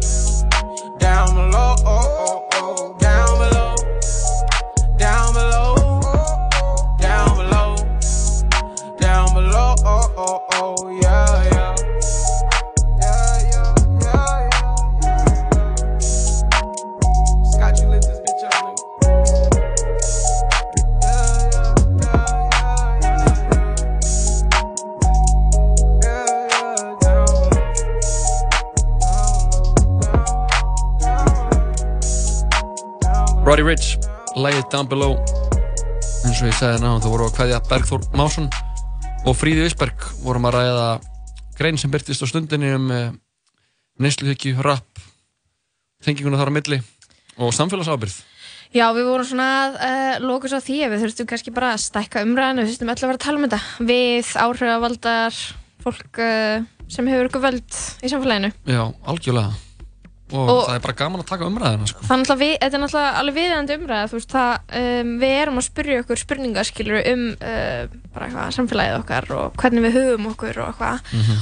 og það núna skilur við er allir að velta fyrir sig bara um, umhverjus vanni í rauninni, sko og það var uh, fundur uh, hjá leiðsögum Norðurlandana og Angela Merkel Einmitt. Þískalandskanslara uh, um, þú veist, umhverfsmál og hvað þau ætla að gera og eitthvað svona og ég veit ekki, þú veist, það, það er náttúrulega þau sem að bera líka stóru hluta ábyrgð. Já, algjörlega. Eða þú veist, algjörlega. Af því að eins og, eins og uh, Fríða kom inn að hana þá voru að tala um að kapitalisman náttúrulega hefur þessi áhrif að, að það snýst allt um einstaklingin og þess vegna líka er verðist krafan, háværasta krafan í samfélaginu, samfélaginu Mhm. varðandi þessa sko, heimsenda vá sem veginn sem bara svífur yfir okkur en svona já, um er að, að þetta snúist allt um einstaklingina. Það þarf allir að laga sig að vandamálinu sem rauninni kerfið hefur skapað. Mhm. og það er svona finnst mér mjög merkilegt hvað er lítið verið að gera að stórfyrirtæki, er mjög lítið, það er mjög lítið verið að bregðast við. Einmitt. maður tekur ekki eftir, eða, ég veist, ég tek ekki eftir neininu maður kannski að hætta að nota rör. Já, mitt og engi plastpókar ekki plastbókar, en þetta er allt svo þetta er svo, þetta er svo, Svona jú, jú, lítil skref sem er skref. að marka setja líka Já, og, sem, og er góð fyrir ímyndina Mhm. en er raunverulega breytingar það er, það er meira heldur en bara að hætta með rör Mhm. Algjörlega um, Við ætlum að kannski heyra eitt lag út því að við erum að fara að ringja í hann Stefán Rapp uh, Sigurbjörnsson hann um, er frettamæður og ætlar að segja okkur hvað Angela Merkel er að gera á Íslandi og hvað þessi fundur þýðir Já, hann var út í inni, eða ekki? Eyjunni, Eyjunni. viði, Hvernig sem maður, e eigunni eyjunni Hvernig, það er einhver, einhver, einhverju fallbyggingu sem maður inni, eða ekki? Er ég að rögla það? Ég bara veit ekki sko, ég held hér er eyjanum eyjan frá eyjunni til eyjunar Eigunni, jú, jú æ. En inni, ja, þú veist, þú mátt bara segja sem þú vilt og þetta er frálst land Já, bara. Herru, við ætlum uh, negla í eitt gott lag og uh, svo komum við tilbaka og spjöllum með, og fáum að heyra hvað var að gerast í við þig, rétti þessu Þetta er Rosalía, lagið heitir Millionaria La Rosalía. Uh, que jo sé que no és culpa ser milionària. Com si ploguessin sant els bitllets pels aires. Un dia per Mumbai i el següent a Malta. Sempre ben escoltada, prova de bala. El que voldria és tenir un Bentley de color blanc i un de color verd. Però tot això sé que no ho puc fer fins al dia que tingui molts diners. El que voldria és tenir Només vull veure bitllets de 100 Signar del dòlar dintre la ment Fucking money, man Només vull veure bitllets de 100 Fucking money, man Signar del dòlar dintre la ment Díselo, Rosy Que jo sé que no és culpa ser milionària Perquè em tanquin Louvre així com el mapa Fucking money la Cada dia mixtape. celebrant el meu cumpleaños. I dos llopars corrent pel jardí de casa. El que voldria és tenir Només vull veure bitllets de 100 Signar del dòlar dintre la ment Fucking money, man Només vull veure bitllets Porto dos o de març Fets amb el coberts de diamants I un bloc bloc caviar bang bang Que te'l puc regalar Tinc un xaval contractat perquè m'obri els regals de Nadal. Tanco el centre comercial i em menjo jo sol un gelat. Cada xampà, tot i botelles, bauti juliol, compro una estrella. Tinc una illa que té el meu nom, però el que voldria és tenir Fucking money, man. Només vull veure bitllets de 100 Fucking money, man. Només vull veure bitllets de 100 Fucking money, man. Signar del dòlar dintre la ment Fucking money la mixtape Fucking money, man. Fucking money, man. Només vull veure bitllets de 100 Fucking money, man. Signar del dòlar ment Fucking money, man. Només vull veure bitllets de 100 Já, við erum með hann Stefán Rapp Sigurbjörnsson á línunni, hann er blaðamaður og hvað segir gott Stefán? Já, ég segi bara allt uh, ljómandi. Takk fyrir að taka á móti mér. Já, en getur þú sagt okkur uh, frá uh, þessu sem var að eiga sér stað í Viðey? Hvað er svona merkilegt við hennan fund, blaðamannfund út í Viðey? Uh, já, það er náttúrulega sérstaklega merkilegt bæði í gær og í dag að Angela Merkel, Þýskalands kanslari, hún kom hérna í gær og fór á landi brott núna síðdegis. Hún fundaði með bæði Katir- Katirinu bæði í gær og Þingvöllum og nú í Viðey með hinum forsætisráþurum Norðurlandana.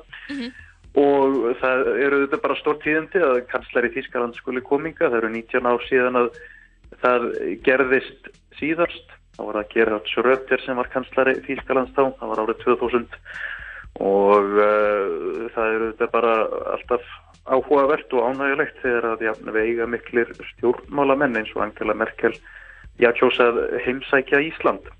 Einmitt, það er eitthvað svona, ég sá að þær uh, kynntust Katrín Jakobs og Angela Merkel í fyrra eða eitthvað og hún sagðist alltaf að koma til Íslands en var er þetta ekki eitthvað svona sérstakka fundur varðandi loftslagsmál eða? Uh, jú, fyrst hérna að þær, þær Katrín og, og Merkel hafa hist þrísvar sinnum uh, og það hefur alltaf verið gott á millið þeirra og Katrín er með bauðinni í fyrra til landsins fundurinn eh, sem er núna er svo kallaður samílu sumarfundur forsættis ráþeirra Norðurlandana. Eh, Þau hittast eh, reglulega á svona samráðsfundum en það er mjög náinn og rétt samstarf. Og það er hefð fyrir því að það komi í heimsókn einhver svona annar gestur að annar leiðtogi í fyrir að verða Theresa May sem kom uh, til Oslo þegar fundurinn var þar. Og nú ákvað Katrín að bjóða Merkel hingað. Og það var sem sagt, það er sem sagt fundurinn en uh, umhverfismálin og lofslagsmálin og málefnin norðurslóða voru lang fyrirferðamest þarna á fundinum og, það var þetta á sunnudaginn fór fram þessi minningaratöfnum og Jökul sem að misti stuðu sína sem Jökul uh, árið 2014 og því hann er hérna, hann, hann er búin að minga það mikið og það var á góma bæði á fundinum á þingvöllum í gær og, og í viða í dag. Þannig að það er, uh, það er var svona uh, rauður þráður þarna. Uh, forsetisráð þeirra Norðurlandana gáðu þarna út sameinlega yfirlýsingu eða svona framtíðar sín ráð þeirra nefndar Norðurlandana um, sem nær til tíu ára um að hérna ebla til muna aðgerðir í lofslagsmálum og gera okkar heimsluta að sjálfbærasta svæði í heimi fyrir 2030. Ok, og er, er þarna eitthvað sem þau segja sem að fólk getur alveg svona bundi vonið sína við og þú veist, svona frekar tröstekjandi, ekki bara svona pólitíkurs að tal? Það er alltaf vandamálið með svona þegar að svona hásettir einstaklingar frá mismundi ríkjum koma saman og ákveða eitthvað það er stundum ekkit alltaf svona meiklað í stein hvað nákvæmlega við ætlum að gera. Þau setja sér ákveðin markmið og segja svo að við setjum okkar ríkisapparið í gang til þess að ná þeim markmiðum og það er oft hérna vandamálið með svona fundi að það sem kemur út við þeim er oft svona bara politist djargonpínu en, en, en auðvitað er það ánægjulegt að uh, það skuli að vera að það skuli alltaf að vera eitthvað svona markmiðasetning að þau setja sér markmið. En þá viljum við auðvitað uh, að sjá, sjá raunverulegar aðgerðir eins og loftlæst mótmælendunir hafa verið að gera í fleiri fleiri vikur um að ákveðið magna af uh, ríkisútgjöldum fari í, í aðgerðir að það verði lísti við neyðar ástandi og því fylgi alvöru aðgerðar átlun það er auðvitað það sem að fólk vil sjá en ekki bara uh, markmiðin og yfirlýsingarnar. Einmitt svona fullt af fólki frá Norrlöndum einhvern veginn að vera sammála um að eh, það var einhvern veginn þannig sem það blasti við mig sko þegar ég horfði á þetta, Mhm. þetta var svona við erum uh, fólk frá Norrlöndum og við erum sammála um að við erum frá Norðurlöndunum og eitthvað svona, eða þú veist það, Já, já, já, en, en það, er, það er virkilega þannig að þetta eru allt ríki, líka Þískaland sem hafa tekið sér fóristu í alþjóðastofnunum eins og saminuðu þjóðunum og þau ríki sem eru í Evrópusambandinu Einmitt. um að færa já, allavega sko bæði færa heiminn og Evrópusambandu og fleiri akkurat í átt að já, betri til dæmis ef við tölum um umhverfismálin uh, betri sagt, stefnu í umhverfismálum og þetta eru raunverulega ríkin sem að eru að spilna á móti uh, öðrum ríkjum eins og bandaríkjunum og Ástralíu sem ætla ekki að láta segjast varðandi það að grafa upp hólub úr jörðinni til nýtingar sko. þannig að, þannig að, þannig að þó að þannig að þó að aðgerðarsinnarnir sem að eh, mæta í hverri viku og krefjast eh, þess að fá að heyra eitthvað raunverulegar aðgerðir séu kannski ekki sáttir með yfirlýsingar leiðtóana þá eru þetta sannarlega þeir leiðtóar sem að er að gera hvað næst í þessum efnum þó að sumir vilja þeir gera meira. Akkurat, herru, Stefán, takk hella fyrir þetta og uh, gaman að heyri þér. Já, takk, mjög góð útskýring á þessu Þetta var, fundi. já, takk fyrir. Já, bara takk sumulegis Segðu það, bæ. Bæ. Heru, það var gaman að heyri, Stefáni. Já, Gott að fá útskýringu frá alvöru fréttamanni. Svo sannlega Því við erum ofta eitthvað svona að segja eitthvað fréttir en við erum samt, ég myndi ekki segja að við erum beint, beint frétta fólk Nei, Við erum meira svona spjallarar, atvinnum spjallarar Mér langar að vera fréttamaður svona eins og Rory Gilmore Girls. Já, þetta er Nei, ég á RF langt í sem- Já, Ég á langt í land sko. Veit ég alveg hversu vel þessi Herru, reffi byrju mæðgurnar, þetta var ég man þetta maðgunum, og hver Já. Rory? Er stelpan. Já, er hún fréttakona? Já, hún fyrir að vinna hún fyrir Já, já, Yale Þá hef ég að- eitthvað að gera Hún í ver- núna hún um verður síðan páskana að ritstjóri horfa á, Yale. horfa á að Daily Paper. Gera Gilmore Girls. Já, horfa á það. Herru, það er ár síðan uh, Sweetener með uh, Ariana Grande kom út. Trúið þið ekki. Uh, fyrir nokkrum dögum var ár. Ok, Þannig að það er meira en ár síðan hún kom út núna. Það er ótrúlegt. Það ætlum að fagna því með að hlusta á uppáhalds poplæði mitt frá síðast ári. Lægið heitir No Tears Left to Cry. When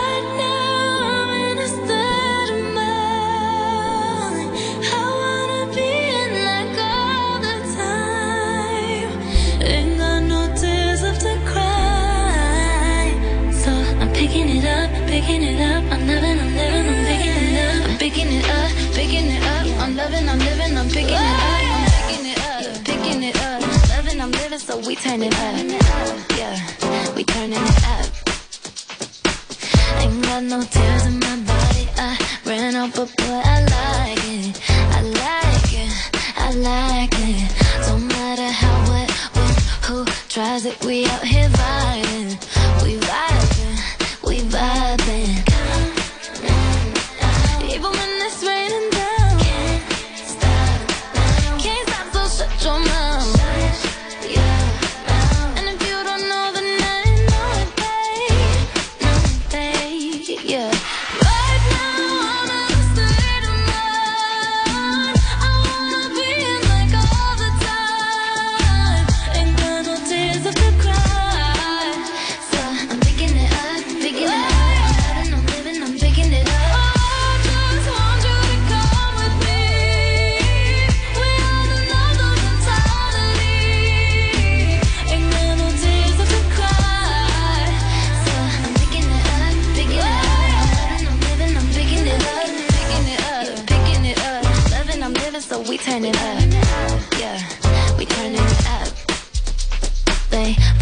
The colors in you. I see them too, and boy, I like them.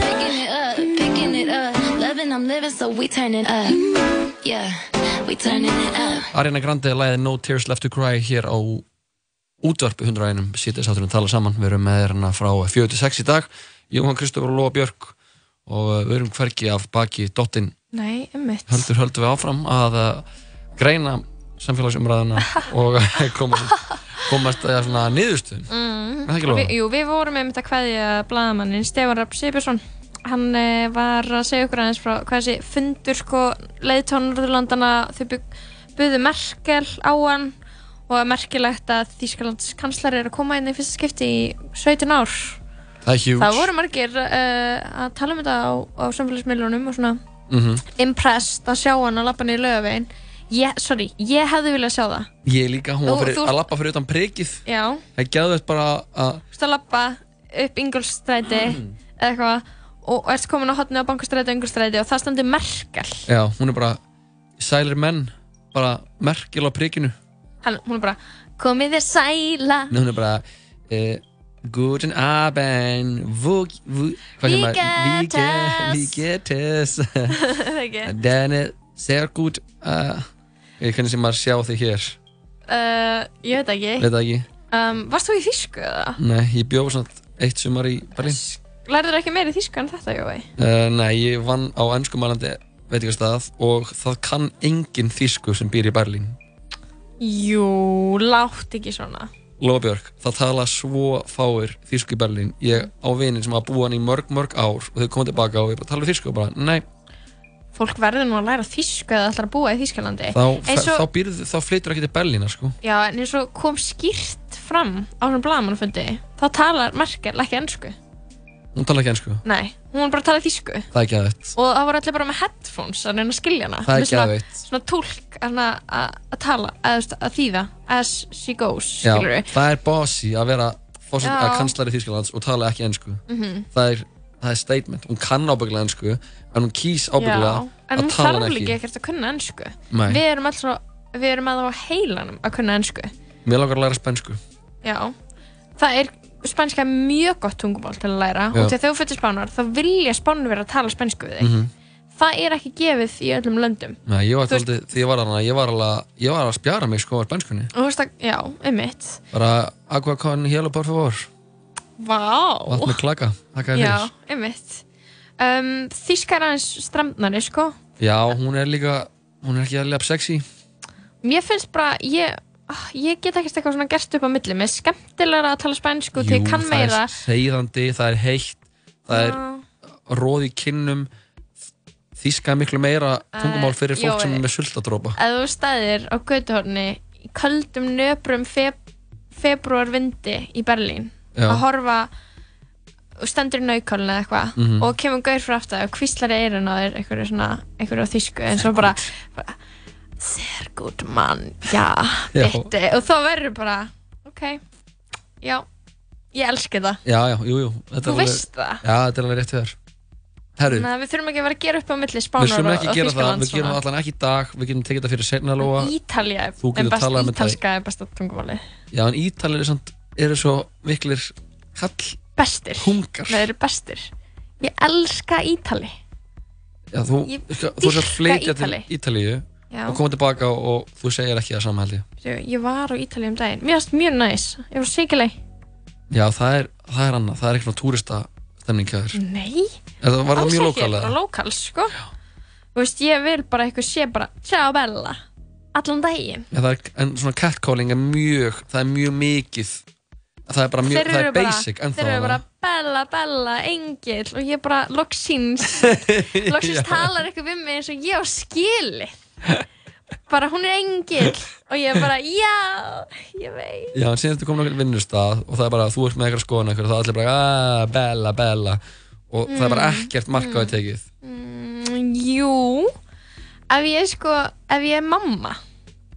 Ef ég er bara maðri, skilur Nei, ef þú ert amma. Ég er mamma mía, skilur Þetta er mamma Ég er bara mamma mía, skilur Hvað, Og þá eru þau bara Ah, Ah, grazie mille Grazie mille, mamma mia Þú veit að tala um, ef þú myndir vinna sem sko gömur kona sem var að alda pítsur á pítsastað Þetta er, þetta eru viðtökunum sem við fengið á.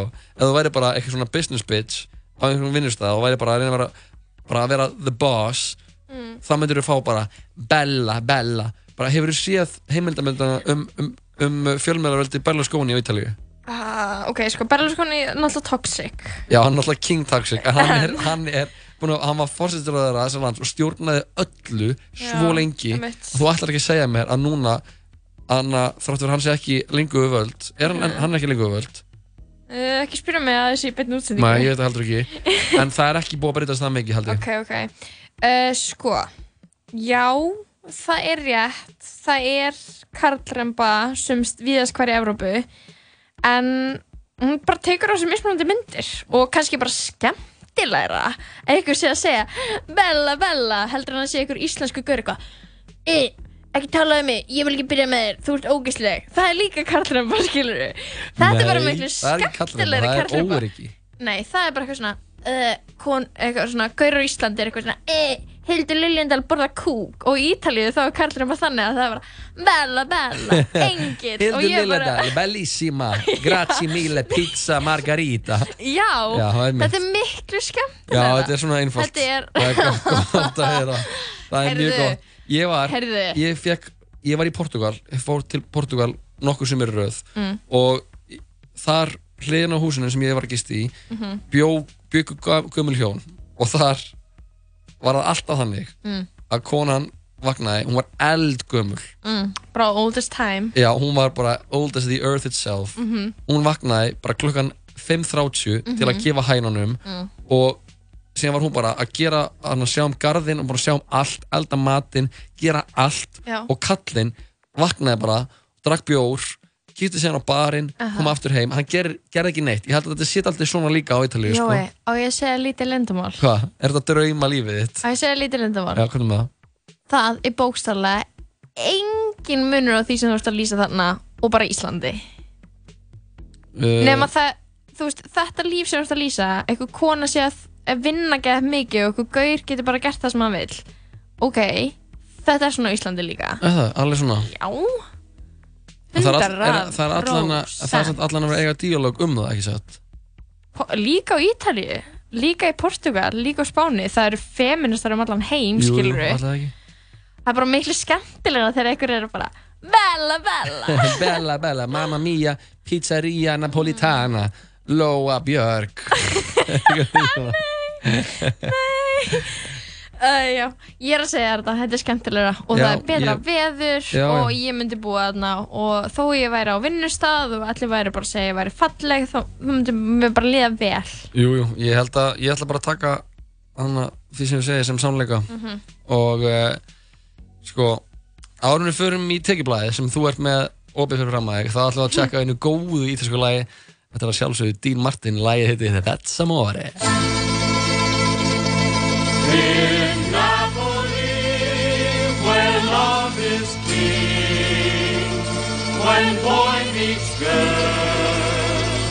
here's what they say. When the moon hits your eye like a big pizza pie, that's amore. When the world seems to shine like you've had too much wine, that's amore. Bells will ring, ting-a-ling-a-ling, ting-a-ling-a-ling, and you'll sing Vita Bella. Hearts will play tippy-tippy-tay, tippy-tippy-tay, like a gay tarantella. When the stars make you drool just like a pasta fazool, that's amore. When you dance down the street with a cloud at your feet, you're in love. When you walk in a dream, but you know you're not dreaming, signore. Scusa me, but you see, back in old Napoli, that's amore.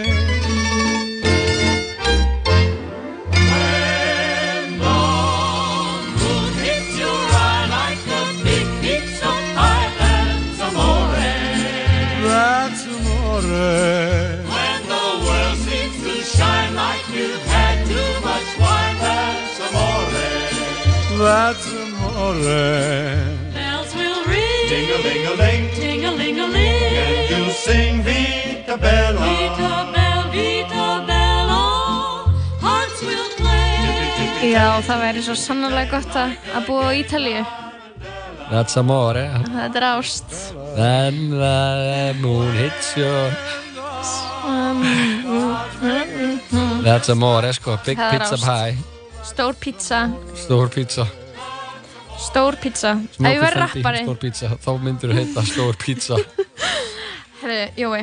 Úr, úr einu í annað, Lóa, við vorum að tala um Ítalíu hversu næs var ábygglega að búa þar og verða fyrir stansleysum svona catcalling frá einhverjum ítalskum köllum. Já, ég var bara með Ég var, þú segi sjálf frá bara með virkilega góðan punktina Já, bara eins og alltaf, það kemur um með mjög góða punta en við færum okkur úr því yfir í tekiblæði sem Já. þú ert búin að opna og við ætlum að Sko. ranna yfir hver eru making them big bucks. Mm, Sko, málinn alltaf með tekjublaðir Þetta er alltaf virkilega umdelt Það er ekki allir sérstaklega hrifnir af því að þetta komi út En Hver er þín afstæða? Anna? Sko, ég er bara með eina afstöðu og hún er svo að ég er búin að fara yfir listanum við tíu tekjaðustu forstjórna Mhm. og gefa þeim engun yfir að hversu heitir þeir eru Mm. einn með tíu Ok, ok og sko, við erum að sko, ok, tíu tekjaðustu forstjórnir um, sko, þeir eru margir hverju mjög sætir Mhm. um, og með mjög há laun Jói. Mhm.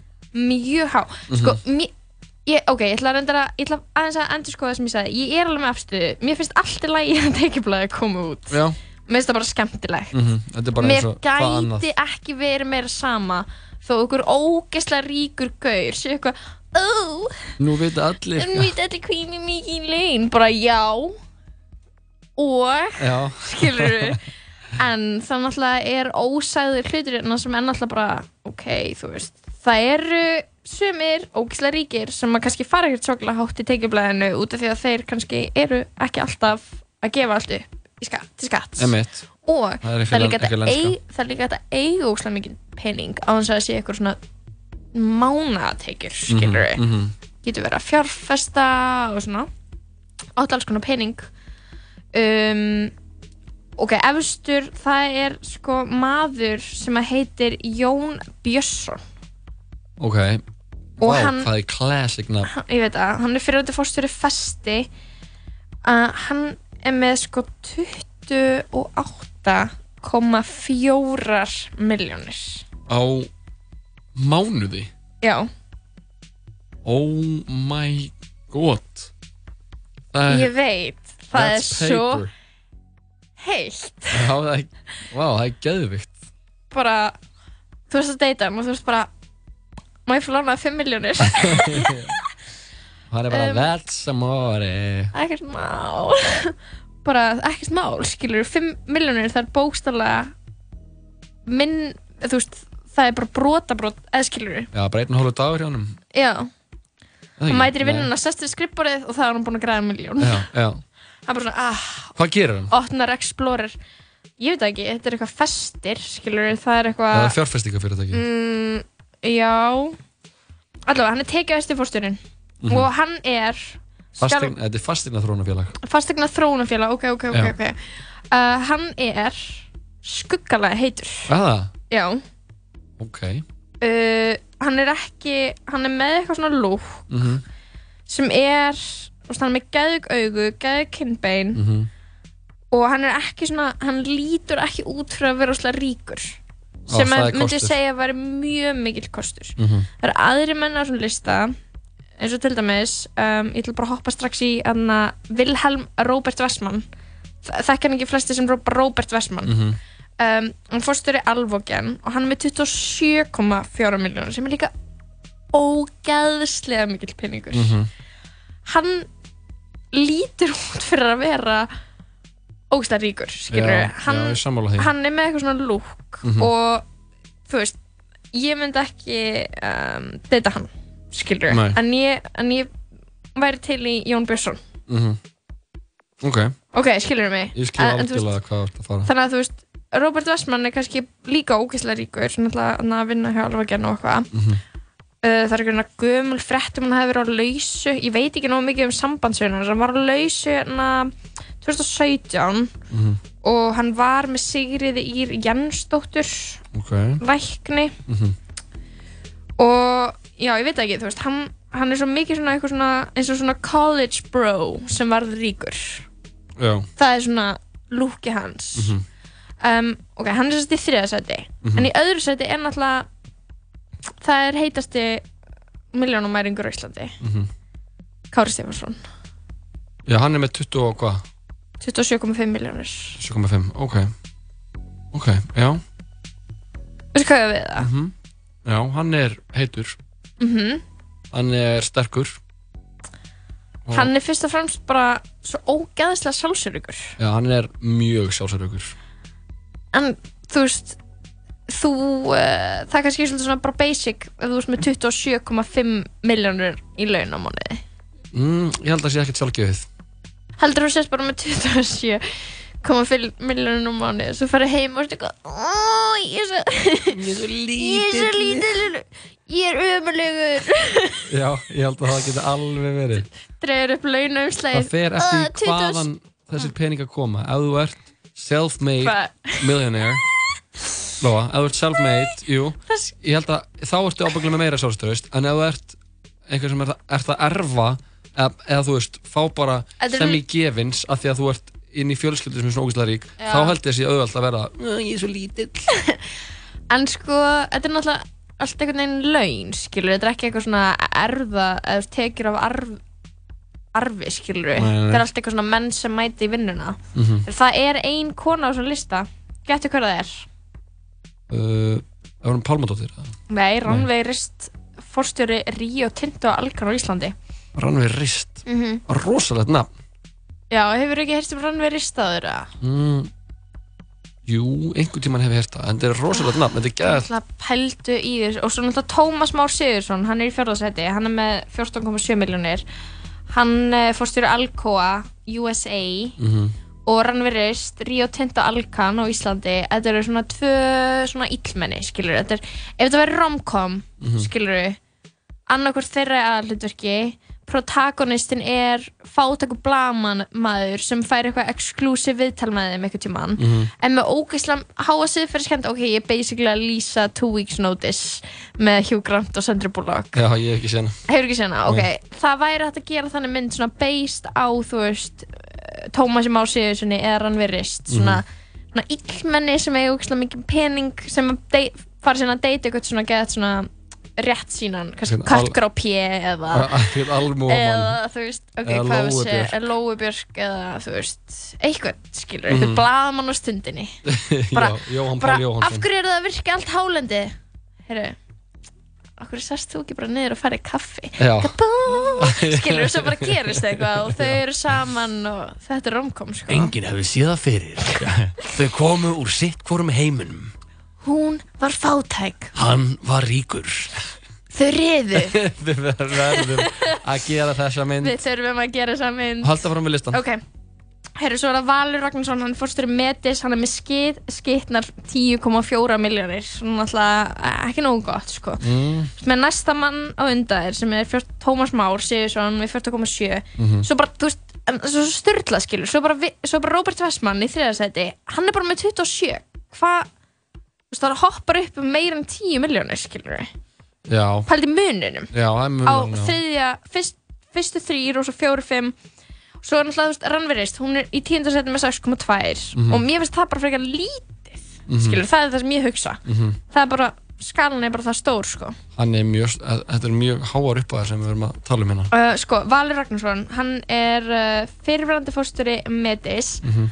hann er uh, ég myndi segja hann væri ekki hann er ekki svona gauður sem þú veist, hann væri ekki romkom skilur, ok, ég ætla ekki að fara nánar út í það skilur Nei.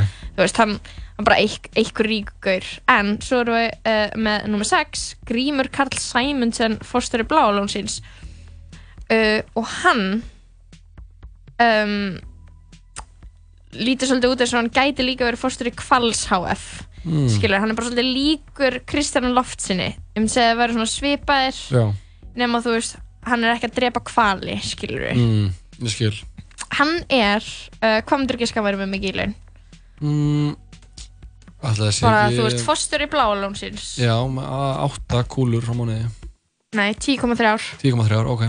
Svo er fórstjóri Marels. Og Marel er sko eitt bara uh, stærsta fyrirtæki á Íslandi. Já, bara út um allan heim með vöruna sína og ógislega margir sem vinna fyrir Marel. Mhm. en hann er fórstjóri, hann Árni Oddur Þorðarsson hann er með sko uh, 8,9 miljónir mhm. Ok. Af hverju er þú veist þú veist, af, þú veist pældi munum á því og eitthvað svona vil, Robert Westman fórstjóri Alvogen 20,- 27 Mm. þú veist, veistu hvað við? Maður er í svona, það meikar ekki sens. Það meik, hvað meikar sens þegar maður komin út í þetta? Eða þú veist ég, ég veit ekki, hvernig er þessi laun ákveðin? Lappar bara inn á fund með eitthvað ska, skalatösku í eitthvað svona í eitthvað súti, eitthvað svona power súti og ert eitthvað, herri já, ég tek þessu starfi en þannig að ég fer ekki fyrir neðan 20 miljónir, Nei, þú ert í, fattar það mig. þú ert með eitthvað grunnlaun. Og síðan hvað eru grunnlunin? 5 miljónir á mánuði? Ábúglega, auðvitað Ok. Og síðan uh, er búin að vinna ákveða lengi og búin að vinna bætir einhverju við, þú nærða nær, nær á einhverjum svona einhverjum áhællunum ábúglega á fyrirtækinu. Mhm. þú nærð þessu Bónusar Já, bónusar. Og síðan ábúglega er mikið af þessu fólki líka með sæti í einhverjum nefndum Einhvers- ráðgjafar líka. Já, einhvers svona ráðgjafastörf og nefndastörf og eitthvað. Og fyrir það að mæta okkur eitt fund í mánuði þá færðu bara ekkert fínan póka þannig að ég held að þetta sé svona safnast þegar saman kemur ofan okkur grunnlaun sem fara ábygglega hækkandi með eins og bara gláðlunni gengur ógeðslega- ógeðslega vel. Mhm. það er bara bullandi bónus í gangi þar. Það er bara, Mhm. það er bara þú er bara pantaðir pantaðir uh, sæti ef þú ætlar að komast í bláða lóni Mhm. og það er ó, ó, bara kostar alveg skildingin inn.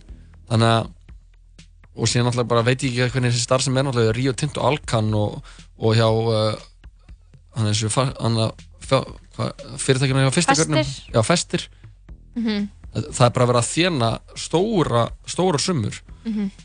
og eins og við tölum á það náttúrulega er þetta er að, það sem er gefið upp maður náttúrulega veit ekki, ég, ég ætla ekki að fara í að, að því að fólk sé eitthvað svíkandi skatti en það hefur alveg komið í ljós að Íslandingar eru full færir um það Mm, já, það er rétt, sko. Einmitt, en ég, ég er samt að hugsa um bara svona, úst, pældi surreal veruleika þar sem þú situr inn á okkur skrifstofu og að undirrita eitthvað starfsáning Mhm. og það er eitthvað svona launið þín og það er eitthvað, já, eitthvað 25 miljónir í Mhm. grunnlaun. já, mánuði, maður er eitthvað mm, Mm, það er ekki nóg, sko. Ég, ég hefði séð fyrir mig 28. já, Ok, alright ok, 28 miljónir Mhm. á mánu. Ok, ég er næst tíbúin að fara ekki listan. Það er eitthvað net-app, Jón Þorgrymur Stefáns. Mhm. Hann er með 8,2 miljónir og um, já, uh, já, um, ekki heitur. Ekki Sorry, heitur, nei. Verdict is in.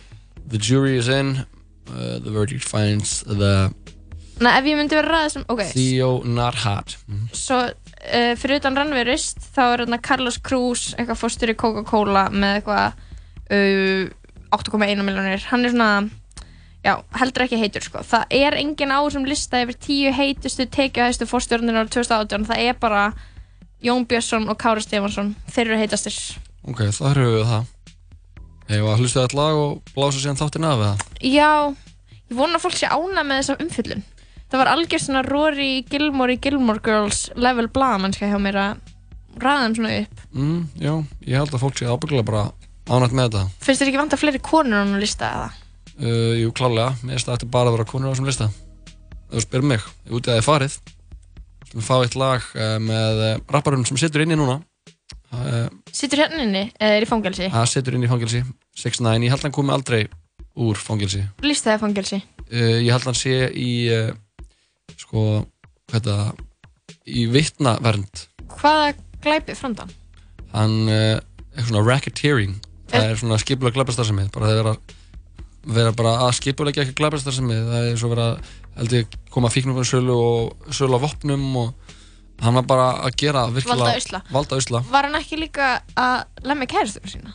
Nei, hvað var hann að gera? Nei það var ekki hann þeir eru einhverjir sem hafa uh, það er XXX Tentation hann er látin Já, já, ok. Við slumum að fá Sorry. eitt lag af plötunni Dummy Boy með 6ix9ine og uh, síðan komum við tilbaka og gerum við þáttinn og, og síðan skilum við ykkur kærlusendur í dag en uh, fyrst lagið heitir uh, TikTok með 6ix9ine og uh, Lil Baby Young man on the track.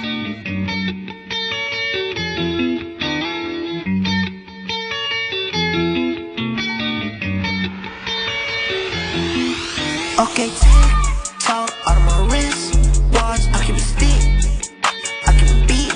Glock, you can hear it. I do not miss shots. I keep a stick. I tell her kick rocks. Okay, kick rocks. Risk go trick, Drop. Do not kiss.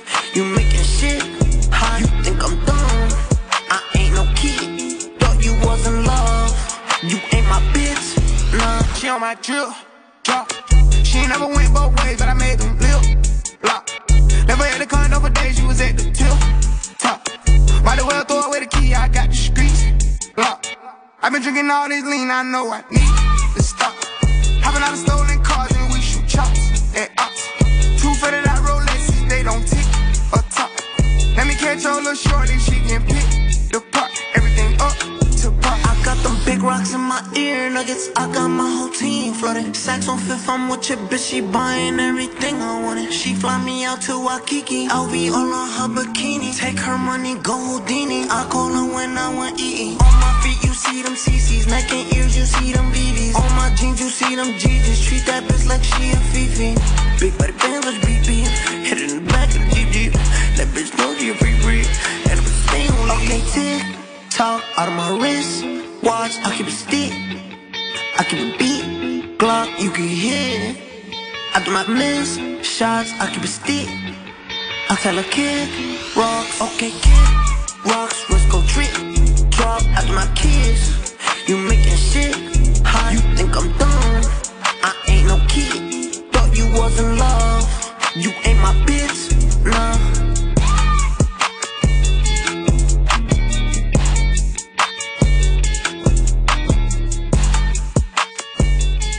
6 9 og Lil Baby með lagið eh, TikTok hlutinni Dummy Boy með eh, 6 9 sem kom út í fyrra Það verður nú að líða að lokum hjá okkur í dag, lofa mín Mm. Þetta er búið að vera rosalega þáttur Mhm. Við byrjum á að fá uh, til okkar þau uh, Bergþór Másson, skoðanabróðir og Fríðu Ísberg skáld Já. og rættum grein sem byrtist á stundinni núna um helgina um tengingar milli hip-hop tónlistar á Íslandi og neyslu Og krakkana og sjálfsmynda Mm. ungra barna mm, Úlingana Já, við, við komum staði, við þurfum kannski bara að tala meira um kapitalismann og, og, og tala meira um hvað er svona, veist, hver er rótina, raunverulega rótina þessum vandamálum sem við erum að horfast auðvitað við í dag. Er það, er það fendi í beltin eða er það eitthvað stærri en það? Er það trúleysið, er, Það það, er það Solon Diego Það er spurningin, Þetta Um, við veltum þessu upp og það var gaman að eiga bara í samtali um þetta. Við vorum ekki að rífast, við vorum að ræða hlutina Já. og við komumst ekki inn í niðurstöðu en við komumst, komumst nær niðurstöðu. Þannig að er engin niðurstaða í þessum eh, Nei, einmitt Í Það- heimi. Nei, en svo, náttúrulega, við ættum að fá bríið til okkar En svo Já. bara var eitthvað miskilningur Þannig að hún ætlar að koma, hvernig ætlar hún að koma? Hún ætlar að koma morgun. Ok, geggjast Já. Ég er ógæslega spennt að sjá hana. Ég glemdu kannski að ítreka fyrir þeim sem voru kannski að býða eftir henni. Að við kynntum hana inn í byrjun þáttarins og svo Anna þurftum við að afbóka en það var samt uh, það verður bara gaman að fá hana morgun. Ég er bara mjög spennt að fá hana morgun. hún verður í byrju, svo heyrðum við náttúrulega í Stefáni Rafni Sigurbjörnsinni Sigurbjörnsinni Mhm. og hann er blaðamaður og hann var að segja okkur hvað verður svona merkilegt við þennan, uh, þennan fund sem að leiðtóða Norrlandana voru að eiga með uh, Merkel og Katrín Jakobsdóttur Mhm. allir fórsettisráþarar Norrlandana Huge. Já, í paldið því. Já, í Viðey Allavega með blaðamannafundin þar Já, líka kannski í fundin um, Og svo var ég náttúrulega bara að skoða tekjublaðið og ég var svona að benda á svona kannski þá sem að eru hvað heitastir á listanum yfir ríkustu fórstjóra Já, Íslands. við fórum yfir það, þú fórst yfir það, ég var bara með þetta mjög gaman að fá að Já, koma mínu aðtjóðsendir. og það er náttúrulega bara, skilur, vekur upp óhug að það sé ekki fleiri konur á þessum lista. Það ætti bara að vera svona alls konar konur, bara Agnes Biskup bara, þú veist, Rosolla, bara eitthvað svona út af því, þú veist, jó, það sem er svo merkilegt við mig og þig, Mhm. er á sama tíma og við erum svona rótækt á móti kapitalisma Mhm. það er það líka uppáhalds hluturinn okkar Það er og við rétt. játum það Já, við játum og það það. er ekkert heitara heldur en að lappa inn á launafund og byggja um 28 millir í mannalaun En uh, við varum aftur á sama tíma á morgun. Það ekki? Það ekki, liggur það ekki bara fyrir loða? Jú, ég þakka bara fyrir mig Sem leiðis og uh, já, kæra lusendur, þættina er all, hægt að nálgast það inn á Spotify, tala saman og við erum að sjálfsögja í bóði Once Upon a Time in Hollywood. Er hún að sjá hana? Nei, Ég ætla að fara að sjá hana aftur í vikunni. ok, Geggjumynd. Takk fyrir okkur í dag. Endum þetta á Lexa og uh, eða, Drengnum, eins og hann heitir réttur nafni. Mm. Drengur og Wi-Fi Guy. Viðeigandi lag eftir við fórum yfir uh, tekjublæðið. Lagið heitir Yfirmaður. Ég er yfir maður, gef mér launa hækkur Horfðu sjáðu bara hvernig við stakkum Sætti eitt fræ meðan heila rættur Vaka alltaf nættur fyrir snemma fætur. Ég er yfir maður, gef mér launa hækkur Horfðu sjáðu bara hvernig við stakkum Sætti eitt fræ meðan heila rættur Vaka alltaf nættur fyrir snemma fætur.